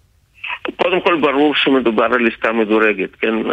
אף אחד לא מדבר על כך שמדובר על עסקה שמביאה חלק מהחטופים ולגבי כל השאר אומרת שאנחנו מוותרים עליה. ברור שמדינת ישראל לא תסכים לזה בחיים, ייתכן שתהיה עסקה בשלבים כמו שהיה גם ההסכם הקודם. אני אקבע את עמדתי לא בתקשורת בשלב הזה ולא תוך כדי משא ומתן, כי כאמור אני חושב שזה רק מסב נזק, אני כבר לא מדבר על איך שזה משחק ברגשות המשפחות החטופים, שבוקר אחד הם שומעים שהכל סגור, בוקר למחרת שהכל מתפרק, ונמצאים ברכבת הערים הבלתי אפשרית הזאת mm-hmm. כל הזמן. אתם כפרשנים תפרשנו את הידיעות החלקיות שיש על ההסכם. אני אקבע את עמדתי ברגע שהוא יהיה הסכם סופי, okay. אוקיי. ומדינת ישראל תצטרך להכריע אם היא מאמצת אותו או לא. אז בוא נעבור אל מסמך היום שאחרי שיצא מטעם לשכת ראש הממשלה, מסמך היום שאחרי של נתניהו, אפשר להכתיר אותו, מה חשבת עליו?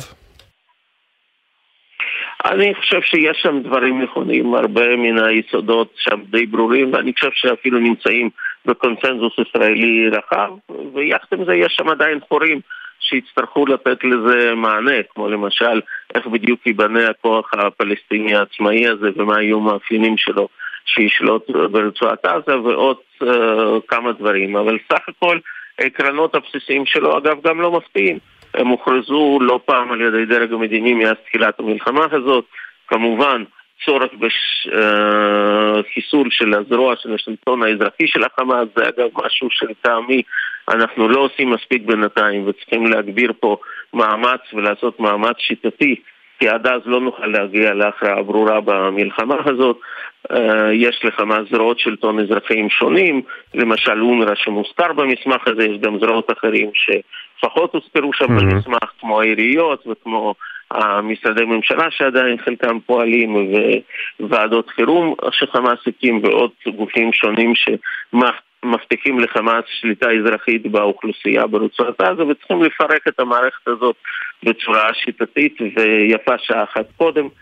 יש במסמך הזה עיקרון מאוד ברור שמדינת ישראל לא שואפת לשלוט אזרחית ברצועת עזה, אלא מעדיפה שיעשו את זה גורמים פלסטינים, אולי בתמיכה של גורמים אזוריים.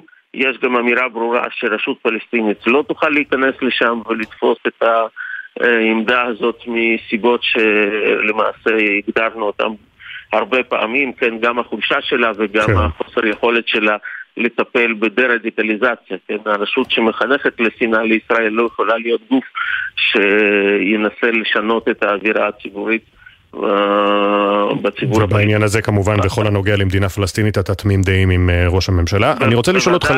מדינה פלסטינית היום צריך להבין את זה, זאת מדינת חמאס. בכל סקר שעושים בחודשים האחרונים ביהודה ושומרון או בעזה חמאס כן. מנצח ומנצח בגדול, ולכן הרעיון הזה, אחרי 7 באוקטובר, לקחת ולהקים פה מדינת חמאס על כל הגבול זה ברור. של מדינת ישראל, ולהביא את הסכנה של 7 לאוקטובר למרכז הארץ, זה רעיון בעיניי הזוי לחלוטין. ועמדתך ברורה בנושא הזה. אני רוצה לפני סיום לשאול אותך לגבי הכוח שהפעילה אמש המשטרה כלפי מפגינים בצומת קפלן, לא, לא הפגנה של אה, בכיכר החטופים, אלא הפגנה נגד הממשלה.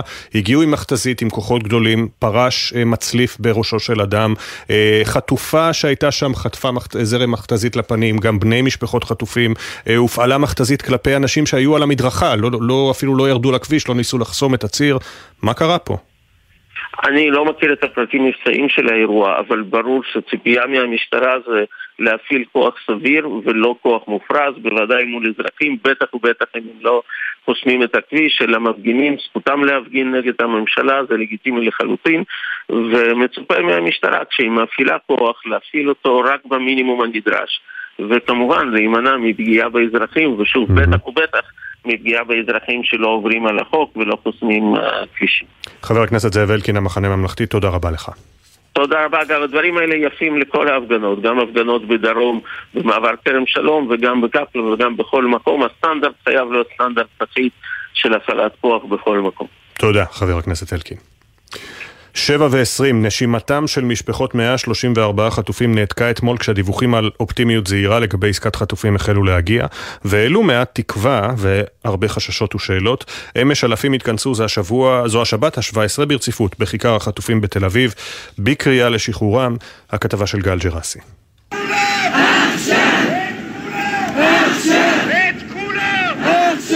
משפחות החטופים עוברות מתקווה לייאוש בכל רגע נתון.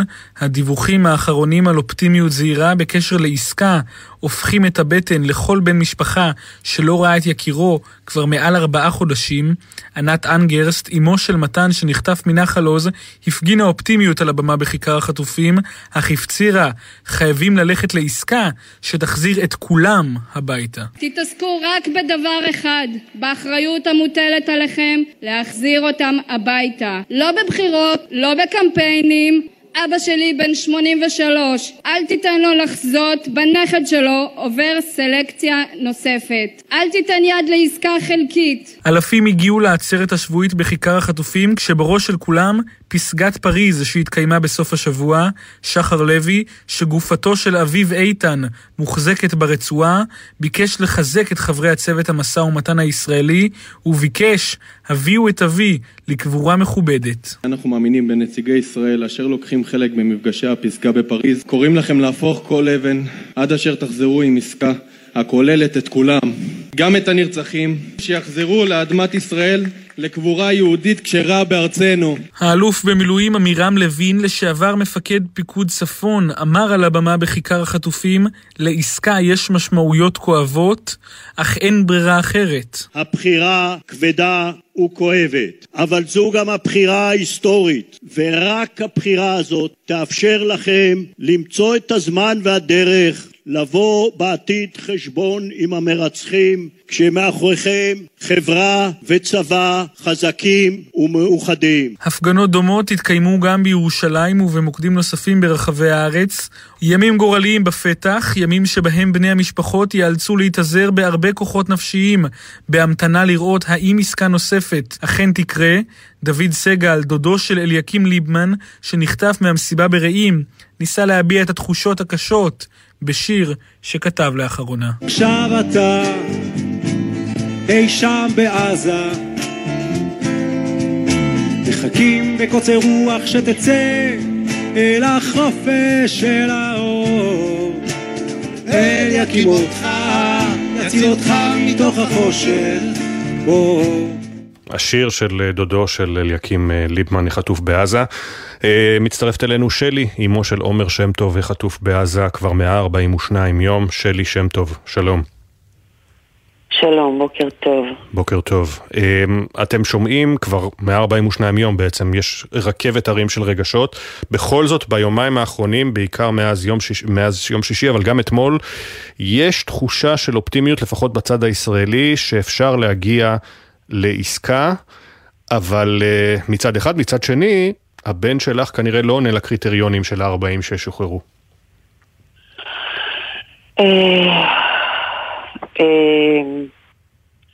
אני עדיין לא יודעת להגיד אם הוא בקריטריון או לא, או לא מכיוון שעומר הוא חולה כרוני, אבל זה, זה מאוד קשה, זו סיטואציה קשה כי גם בתוך הדבר הזה, אז זה מרגיש כמו רשימת שינדלר. ש... שזה להתחיל לספור כמה נשים יש, כמה מבוג... מבוגרים יש, והאם הוא כן ייכנס לרשימה או לא ייכנס לרשימה. זה פשוט סיטואציה קשה מנשוא. וכאמור אתם למודי ניסיון גם של דיווחים על אופטימיות, גם לפני כמה שבועות הייתה אופטימיות בחותרות החדשות על בסיס מקורות אמריקניים אז, עכשיו כבר מדברים על הפוגה בלחימה, שישה שבועות, פרטים מסוימים מתוך העסקה, אני מניח שאתם לא מקבלים את זה עד שזה קורה. בדיוק, עד שזה לא קורה, זה לא קורה, ולכן... Uh, אתה יודע, שמעתי קודם את, את, את, את מה שדיווחתם על העצרת וזה, ומכיוון שאני בתוך הדבר הזה, אז פתאום לשמוע את זה uh, uh, כ, ככתבה, זה, זה, זה, זה, זה, זה שוב כל פעם מחדש uh, לשאול את עצמי, וואו, אני בתוך הדבר הזה. זה... ועדיין אי אפשר לעכל את, את, גודל הדבר הזה, ו... ועבורנו זה הישרדות יומיומית. אז אנחנו, אז אנחנו, אתה יודע, ככה, זה מצד אחד להיות בתוך הדבר הזה, ומצד שני באמת לא, לא, לא, לא, לא, לא לחכות, לחכות ו- ובאמת לשמוע אה, האם זה קורה, ועד שזה לא קורה זה לא קורה, ו- וזה סערה של רגשות שהיא ב... ב-, ב-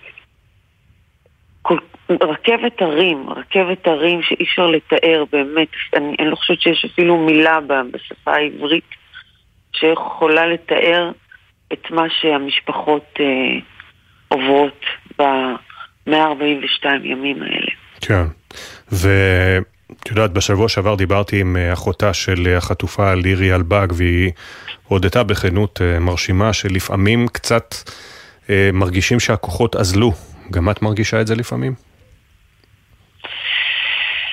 אה, מאוד. במיוחד... אה, אתה יודע, כל, כל בוקר להרים את עצמי מהמיטה, זה, זה מאוד מאוד קשה.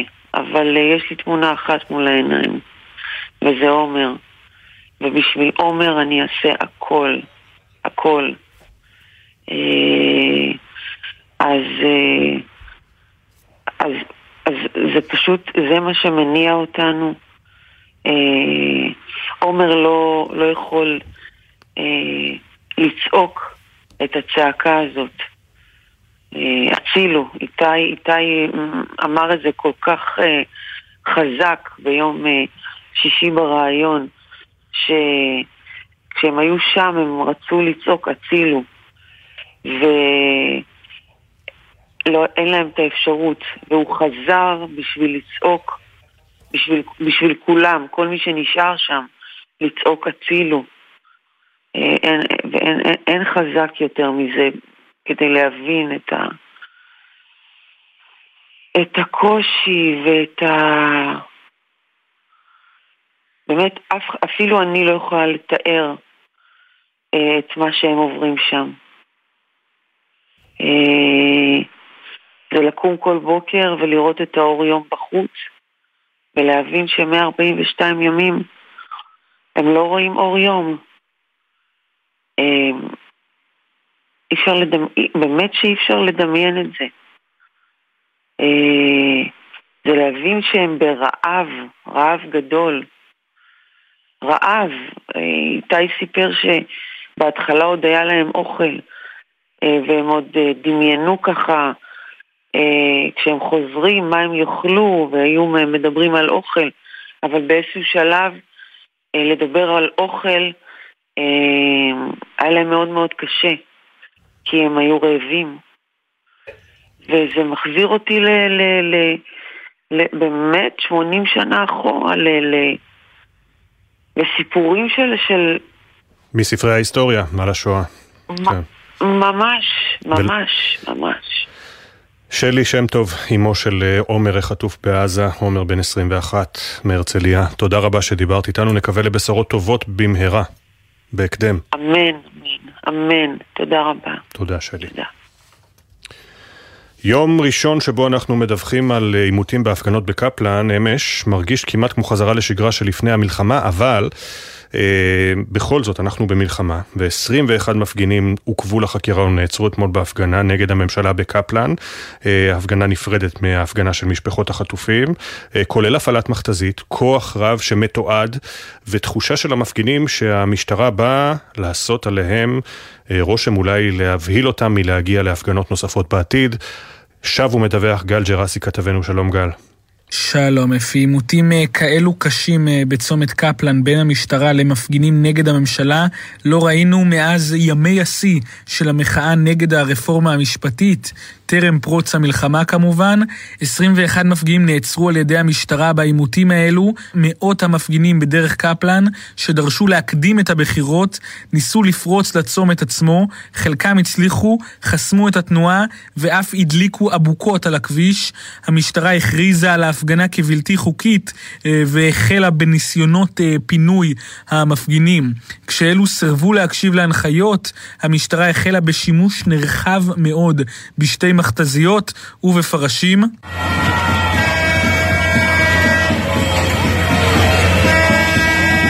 חמישה מפגינים פונו במצב קל על ידי צוותי מגן דוד אדום.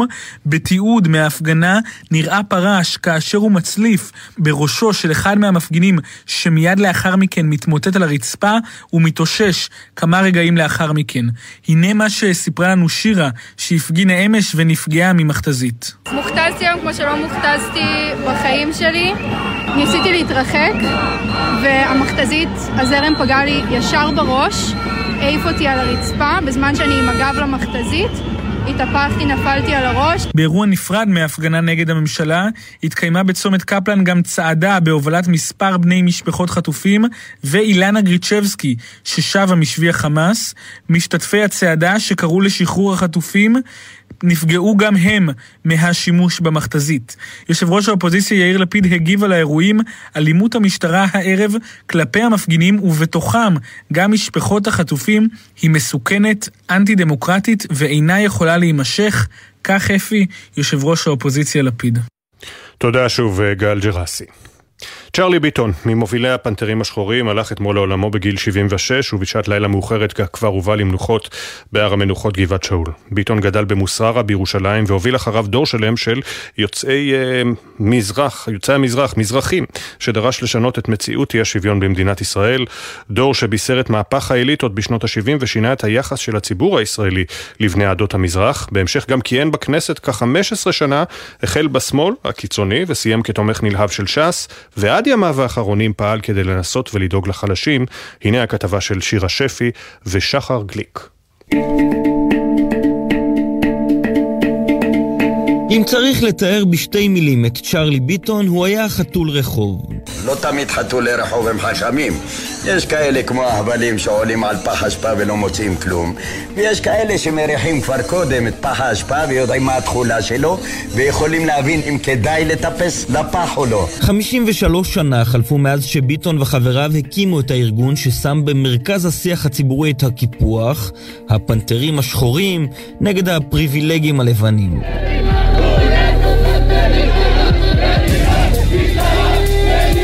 בהמשך הם ניהלו עשרות הפגנות סוערות וגם גנבו קדים במבצע החלב מבתים אשכנזיים בשכונת רחביה בירושלים והעבירו אותם למשפחות מזרחיות קשות יום במוסררה.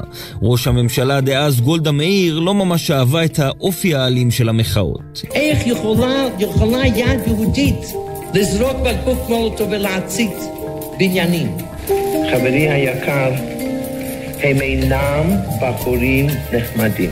אנחנו, ההפגנות שלנו היו אחרות לגמרי. צעדנו עם ארונות מתים, צעדנו עם אנשים כבולים.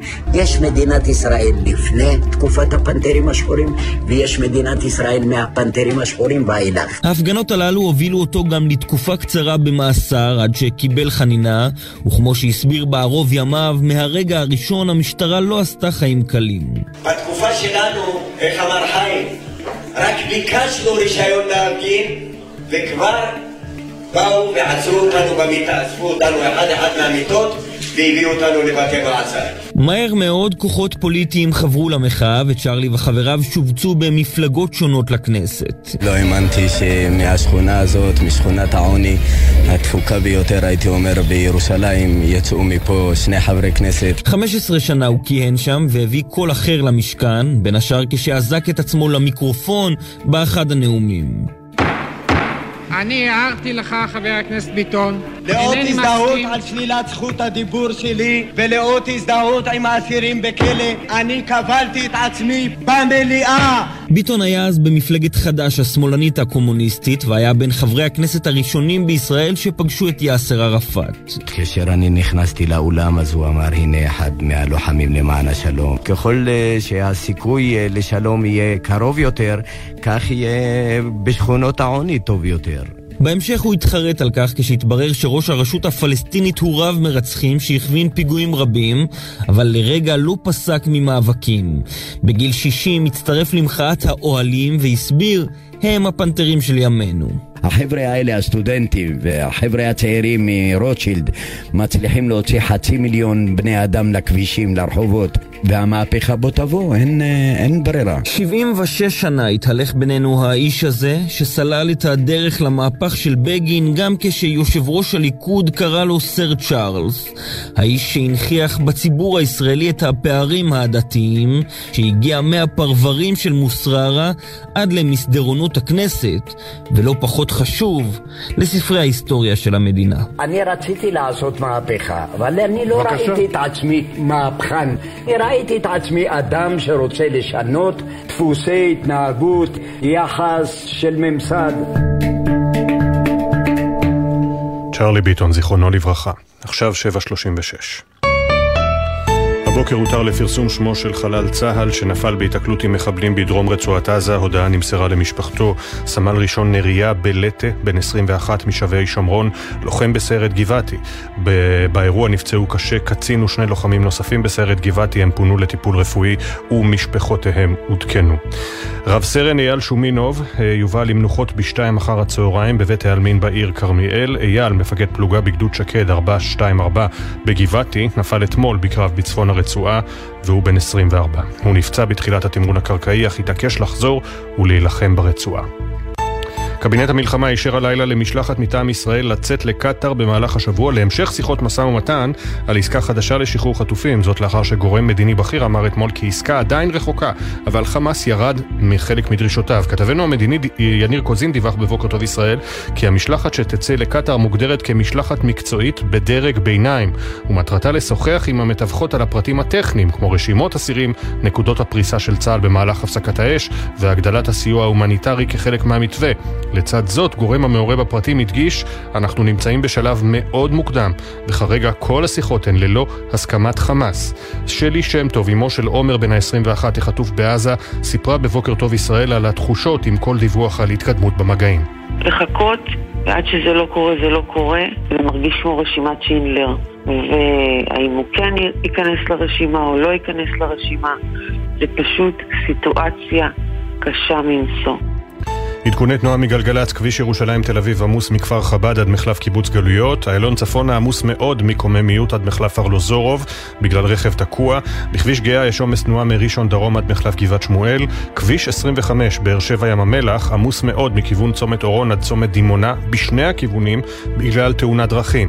מזג האוויר ללא שינוי ניכר בטמפרטורות, בעשרה לשמונה יהיה כאן אפי בן אברהם מפינת התרבות ואחריו עידן קבלר עם הספורט, יוצאים להפסקה של פחות משתי דקות ואחריה הוד בראל עם קרוביו של רב סרן אייל שומינוב שנפל ברצועת עזה. בוקר טוב ישראל, מיד חוזרים. בחסות הפניקס סמארט המעניקה עד 45% הנחה בפיתוח המקיף. כוכבית 5432 או חפשו הפניקס סמארט בגוגל. כפוף לתקנון, הפניקס חברה לביטוח. בחסות סיטרואן, המציעה תנאי רכישה מותאמים אישית. עד 100% מימון מסובסד ובמחירון חדש. לנהיגת מבחן חייגו כוכבית 4989. סיטרואן, כפוף לתקנון. בחסות אוטודיפו, המציעה מצברים לרכב עד השעה 9 בערב בסניפי הרשת, כולל התקנה חינם. כי כדי להחליף מצבר, לא צריך להחליף לשעות עבודה יותר נוחות. אוטודיפו.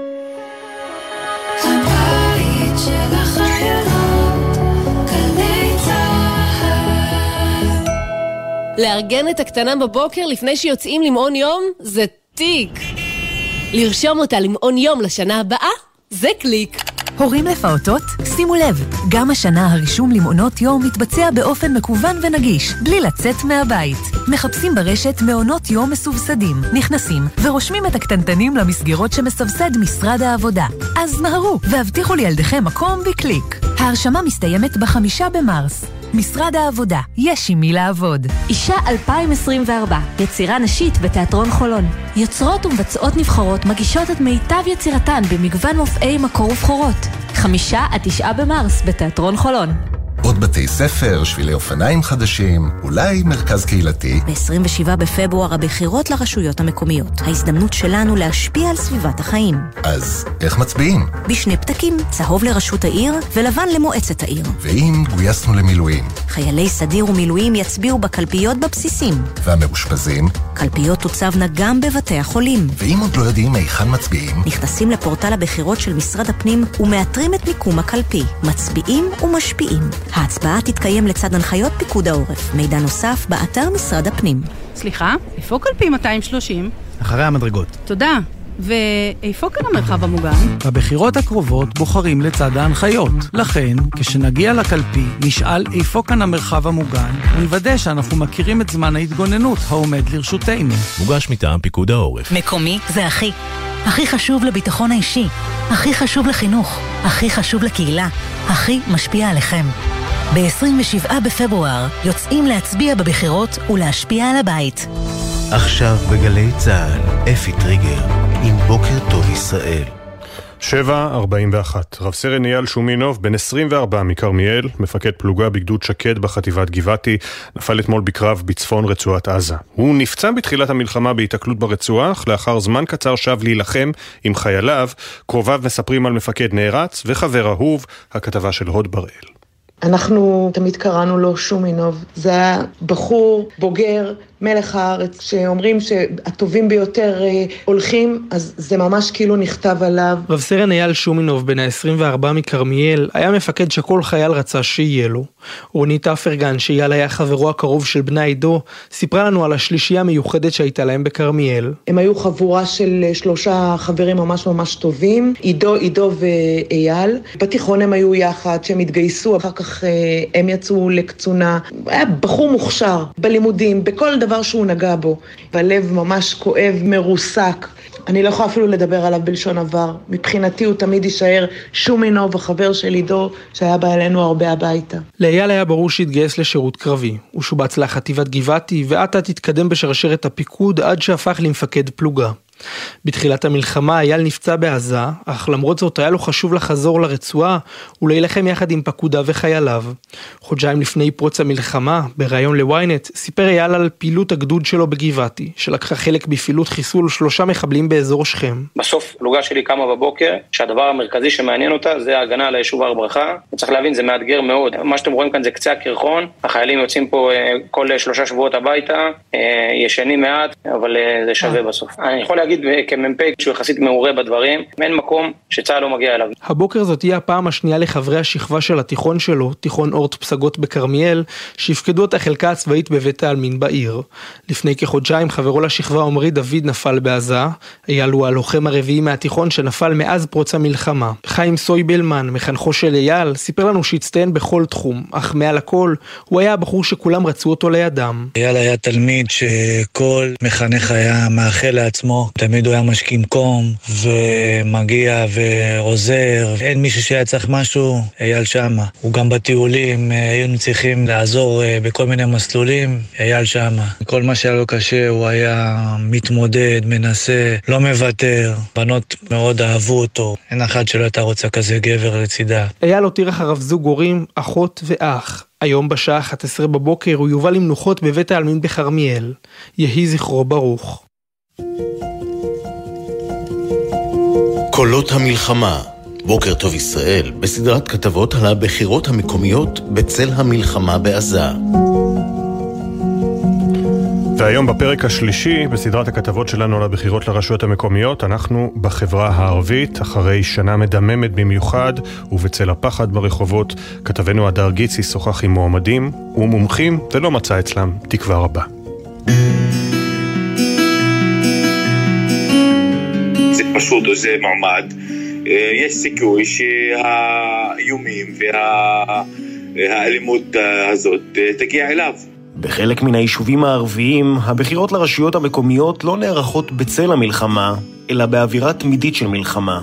מלחמה על החיים, כמו זו שמנהל למשל שריף זועבי, מועמד לראשות עיריית נצרת, שלא נכנע לאיומי עבריינים לקראת מערכת הבחירות. אני כאילו רוצה שהתופעה הזאת של האלימות והאיומים שלא תהיה, אני עומד אה, נגד זה. העניין אה, שאנחנו צריכים אה, מנהיגות שיכולה לעמוד ולייצג את האינטרסים של התושבים. ועדיין לא עוברת לך בראש המחשבה שאולי ירצו לפגוע בך כחלק מהאמון במועמד אחר?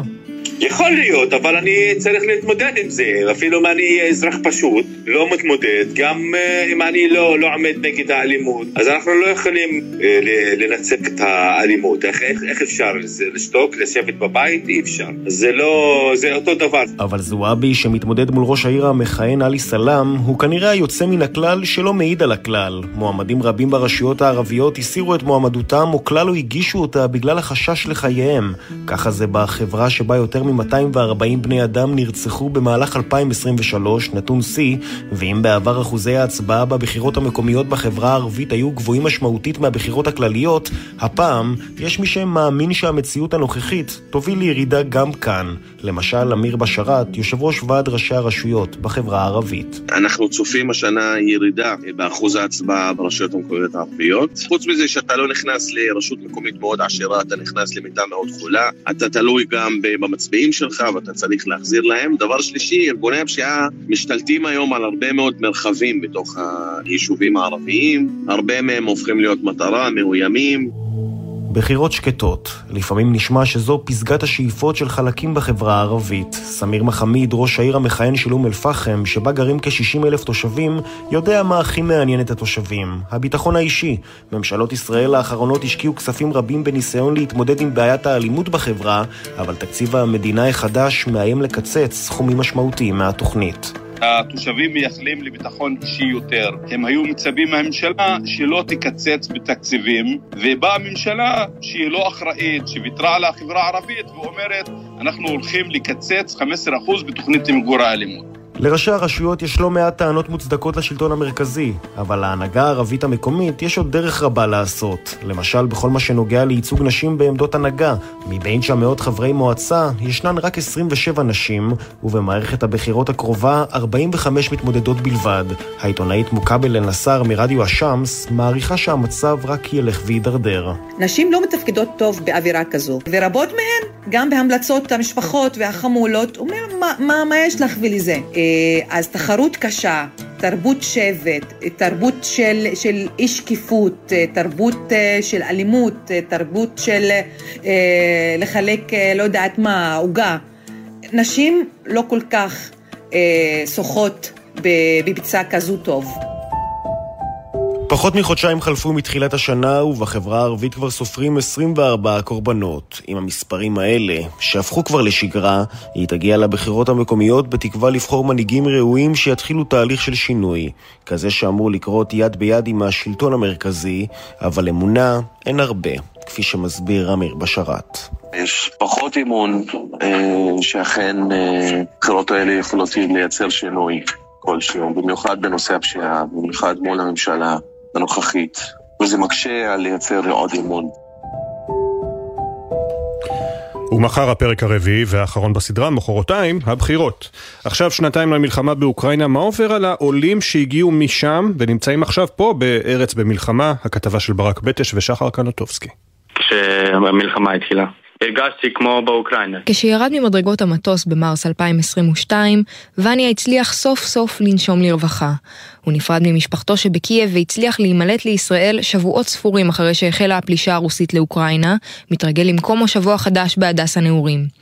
שום דבר לא הכין אותו לשמוע שוב את קולות האזעקה שלא הצליח לשכוח. אף פעם לא הייתי בישראל לפני. קמתי בבוקר ושמענו מישהו אמר לי שהמלחמה התחילה וגם היה ככה באוקראינה. אבא שלי אמ, אמר לי שהמלחמה גם התחילה. שנתיים עברו מאז הכריז פוטין על אותה פלישה ששינתה את חייהם של אזרחי אוקראינה.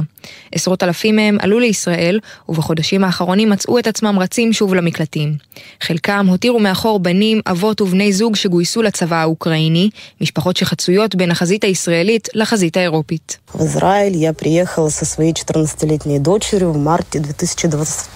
הגעתי עם בתי בת ה-14 בעלי נשאר באוקראינה ועכשיו הוא נלחם עבורנו, מספרת סבטלנה שביתה בחרקיב היה מהראשונים שנפגעו. מתחילת המלחמה כאן אנחנו עושות כל מה שאנחנו יכולות עבור החיילים, מאחלות ניצחון לאוקראינה וגם לישראל. ועדיין הם מרגישים שהמלחמה הזו היא אחרת. אריה, שמתגורר כיום בירושלים, ראה פיגועים והפרות סדר סמוך לביתו החדש עוד לפני שהתחילה מלחמת חרבות ברזל, ועדיין, לשיחות הטלפון מבני המשפחה המודאגים, הוא עונה בשלווה. תמיד הייתי מוכן שבארץ יכול להיות משהו כזה, כי תמיד כשאני הגעתי לפני שנתיים היו פיגועים, היו דברים רעים, אבל זה לא הייתי כל כך מפחיד כמו באוקראינה. זה אולי מוזר, אבל בארץ אני מרגיש שזה יותר ביטחון. אולי זו הקליטה שחוו אז כשהגיעו הנה מפוחדים לפני שנתיים, אולי דווקא הציניות הישראלית למודת הקרבות שהם למדו להכיר מאז 7 באוקטובר, מה שבטוח, מסבירה אוליביה, בישראל הם באמת מצליחים לנשום לרווחה. אפילו עכשיו. ההורים שלי אמרו שיהיה יותר טוב פה. כשהתחילה מלחמה בישראל אני גם הרגשתי ביטחון כי אני יודעת שהמדינה הזאת תמיד מנצחים, אז אני יודעת שהכל יהיה בסדר. הגענו אל פינת התרבות. אפי בן אברהם, בוקר טוב. חייפי הבוקר בפינת התרבות אנחנו נפרדים בצער מאחד מחלוצי הטלוויזיה בישראל, עוזי פלד, מייסד חברת ההפקות אלעד, שלח אתמול לעולמו בגיל 86.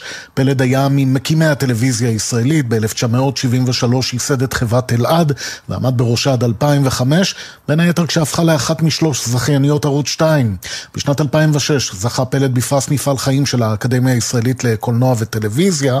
במהלך השנים הפיק את אלעד תחת ניהולו מספר תוכניות בולטות ביניהן עובדה, החמישייה הקאמרית, הקומדי סטור, החרצופים, פלורנטין. בריאיון האחרון שלו בגלי צה"ל הוא סיפר לענבל גזית ורותם בן חמו על מיזם חייו, הטלוויזיה הישראלית.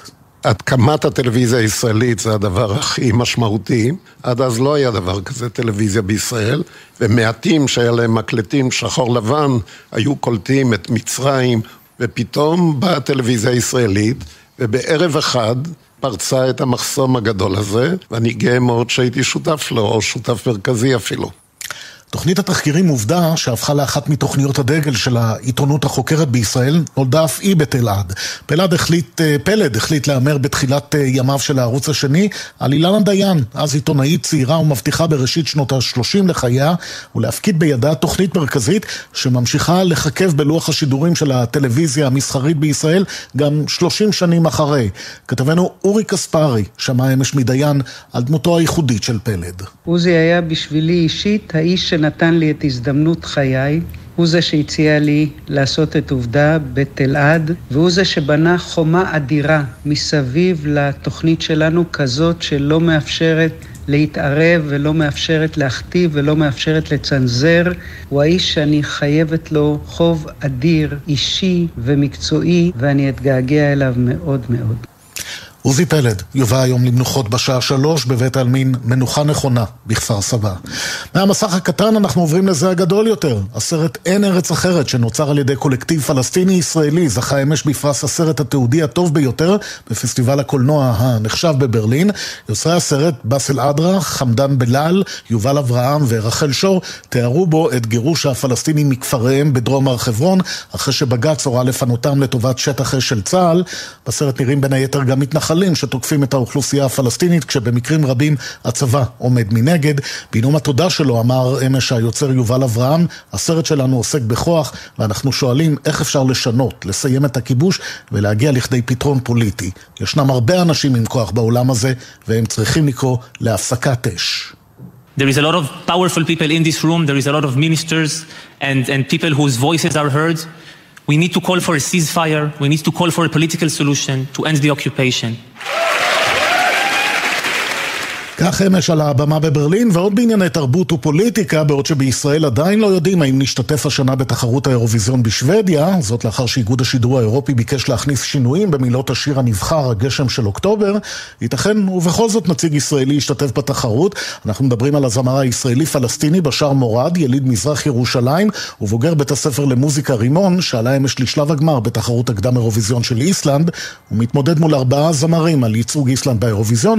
נזכיר שזמרת ישראלית נוספת, טלי גולרגן, תשתתף אף היא בתחרות לאחר שנבחרה לייצג את לוקסמבורג. יהיה קצת מוזר אפי אם בתחרות השנה דווקא הזמרת הישראלית עדן גולן לא תשתתף מסיבות פוליטיות.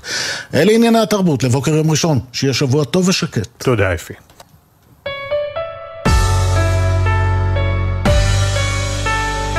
הנה פינת הספורט, עידן קבלר, בוקר טוב. בוקר טוב, בוקר טוב אפי. הזמנית, מכבי תל אביב במקום הראשון אחרי ניצחון חשוב על הפועל באר שבע 1-0 אבל העיניים עדיין מופנות לערן זהבי שלא רק ששוב לא כבש אלא גם החמיץ כדור עונשין מ-11 מטרים פנדל שיכול היה לסיים את המשחק הרבה יותר מוקדם זהבי פנה לאוהדי מכבי תל אביב באינסטגרם וכתב אני בטוח שאני אחזיר לכם ברגעים החשובים בהמשך הדרך מי שפדה את השטרות היה מילסון אחרי טעות של השוער ניב אליאסי של באר שבע שמנגד אותו אליאסי כיפר על הטעות אה, בעדיפת הפנדל של זהבי. אז מאמן מכבי תל אביב רובי קין, שהחזיר את זהבי להרכב אחרי הספסול במשחק הקודם מול מכבי נתניה, דווקא הגן על החמצת הפנדל שלו. It's football, isn't it? So nothing comes easy. I took penalties myself. I know what it's like people think it's easy, but it's it's more beneficial to the goalkeepers because they've nothing to lose. So it is what it is. But uh, apart from that, they didn't really threaten us. Didn't really cause us too many problems. But they're a really good team. I enjoyed the battle. יוני זילברמן שלנו שמע את קין שאמר זה הכדורגל, שום דבר לא בא בקלות, בעטתי פנדלים, אני יודע איך זה, אנשים חושבים שזה קל, אבל רק לשוער כי אין לו מה להפסיד. חוץ מזה, באר שבע לא ממש סיכנו אותנו, לא גרמו לי יותר מדי בעיות עבורנו, זו הייתה קבוצה טובה מאוד. כלומר באר שבע עדיין, ונהניתי מהקרב, זה מה שאומר רובי קין. מנגד, מי שנהנה פחות זה אליניב ברדה, המאמן של באר שבע, שלרוב שומר על איפוק, וגם היה מאוד כן לגבי הקבוצה שלו, אה, לפחות במחצית הראשונה אמר שהיא נראתה מאוד לא טוב, אבל הוא דווקא בחר לדבר על בזבוזי הזמן של מכבי תל אביב. לא זוכר משחקים שמכבי תל אביב בבלומפילד אה, מבזבזת זמן. אני לא אהבתי את החמש דקות, אני חושב שהיה פה הרבה יותר. רק השוער בזבז יותר מחמש דקות. מאכזב, מתסכל. רוצים להתחיל סריה חדשה, יש לנו משחקים מאוד מאוד קשים בסיום הסיבוב הזה. צריכים להתחיל אה, לצבור את הנקודות כמו שעשינו לפני. חמש דקות זה תוספת זמן של ריינשרייבר שלטענתו של ברדה לא הספיקה. לפני שריקת הפתיחה, אירוע מרגש מאוד, מפגן של אוהדי מכבי תל אביב ביציעים לאוהדי הקבוצה שנרצחו או נפלו בטבח או במלחמה עצמה. האוהדים הצהובים הניפו ביציעי 10 ו-11, שערים 10 ו-11, שלטים ועליהם גופיות עם שמות הנופלים, כשבמרכז היציע לכל אורך המשחק נותר חלל. חלל ריק מקהל המוקדש לכל אותם אוהדים שכבר לא איתנו. מכבי חיפה תוכל לעלות למקום הראשון הערב, בזכות שערים, הפרש שערים עודף, אם תנצח את אשדוד במגרשה איצטדיון הי"א, ותמחק בכך את פער שלוש הנקודות הזמני ממכבי תל אביב. עוד מעט אולי אה, נספר לכם על אה, בית"ר ירושלים והפועל תל אביב, אין הצלחות גדולות שם, אבל אני רוצה להספיק להוציא אתכם לשבוע הזה עם דברים שיעשו לכם טוב על הלב. אז הנה, נבחרת ישראל בקשתות חזרה בסוף השבוע הזה עם הישג של שש מדליות מאליפות אירופה באולם בקרואטיה, שני אלופי אירופה בתחרויות האישיות, שלושה סגני אלופי אירופה בתחרויות האישיות, וזהב קבוצתי, הנה למשל בקטגוריית הקומפאונד, שמאי ימרום זכה במדליית הזהב, ויפתח הדר סיים עם מדליית הכסף עד גיל 21. בקטגוריה האולימפית, איתי שני שייצג אותנו בטוקיו, זכה בכסף, ורועי דרור זכה בזהב עד גיל 21, כשסגנו ניב פרנקל סיים עם הכסף, זאת בנוסף למדליית זהב נוספת שהושגה בתחרות הקבוצתית. לגברים עד גיל 21, והנה דברים שאומר ליוני זילברמן כתבנו מנכ"ל איגוד הקשתות, גיא מצקין בקרואטיה עם הנבחרת. זה שאנחנו פה באליפות אירופה עם כל המעצמות, ואנחנו עולים לפודיום אחרי פודיום. א', זה גם שם לנו שם, והרבה מברכים, הרבה, מן הסתם גם לא מבסוטים שבאנו ושדדנו להם. והדור הבא רואה את זה וגדל לתוך ענף הישגי. אנחנו מקווים שזה יעשה את השינוי התודעתי, גם בתוך הענף, גם מחוץ לענף, גם בארץ וגם בעולם. והישג משמעותי נוסף לישראל בסוף השבוע האחרון מאליפות אירופה בשייט מפרשיות לייזר ביוון. עומר ורד וילנצ'יק, בן ה-16 בלבד, הבטיח את הכרטיס הישראלי בדגם זה למשחקים האולימפיים בפריז, אחרי שסיים במקום התשיעי באליפות, אותה הוליך ברובה. זאת תהיה הנציגות הראשונה של ישראל בענף זה בגברים במשחקים האולימפיים, וזה בהחלט נפלא, כך הוא נשמע. אני כל כך שמח שהצלחתי לעשות את זה. התחרות הייתה מאוד מאתגרת, עם ימים שלא יצאנו, וימים שהיה טיפה פחות רוח, יותר רוח. ועד כאן הספורט, אפי, בוקר טוב. תודה, בוקר אור. לפני סיום ממשיכים במסורת שאנו מקווים שתסתיים במהרה, לא נפרדים לפני שנציין, הבוקר יש עדיין 134 חטופים בעזה, כבר 142 יום עם בני משפחה שמחכים להם. הנה גאות מאיר ג'אן, אחותו של אלמוג, החטוף בעזה. שלום, אני גאות, אחותו של אלמוג מאיר ג'אן שחטוף בעזה כבר 142 ימים. לא נפסיק להיאבק עד שיחזור. מוגי, אני אוהבת אותך המון המון, חיים שלי. עוד קצת ואתה חוזר אלינו. עוד קצת סבלנות, תהיה חזק, אתה וכל החטופים. אתם חוזרים הביתה. אמן.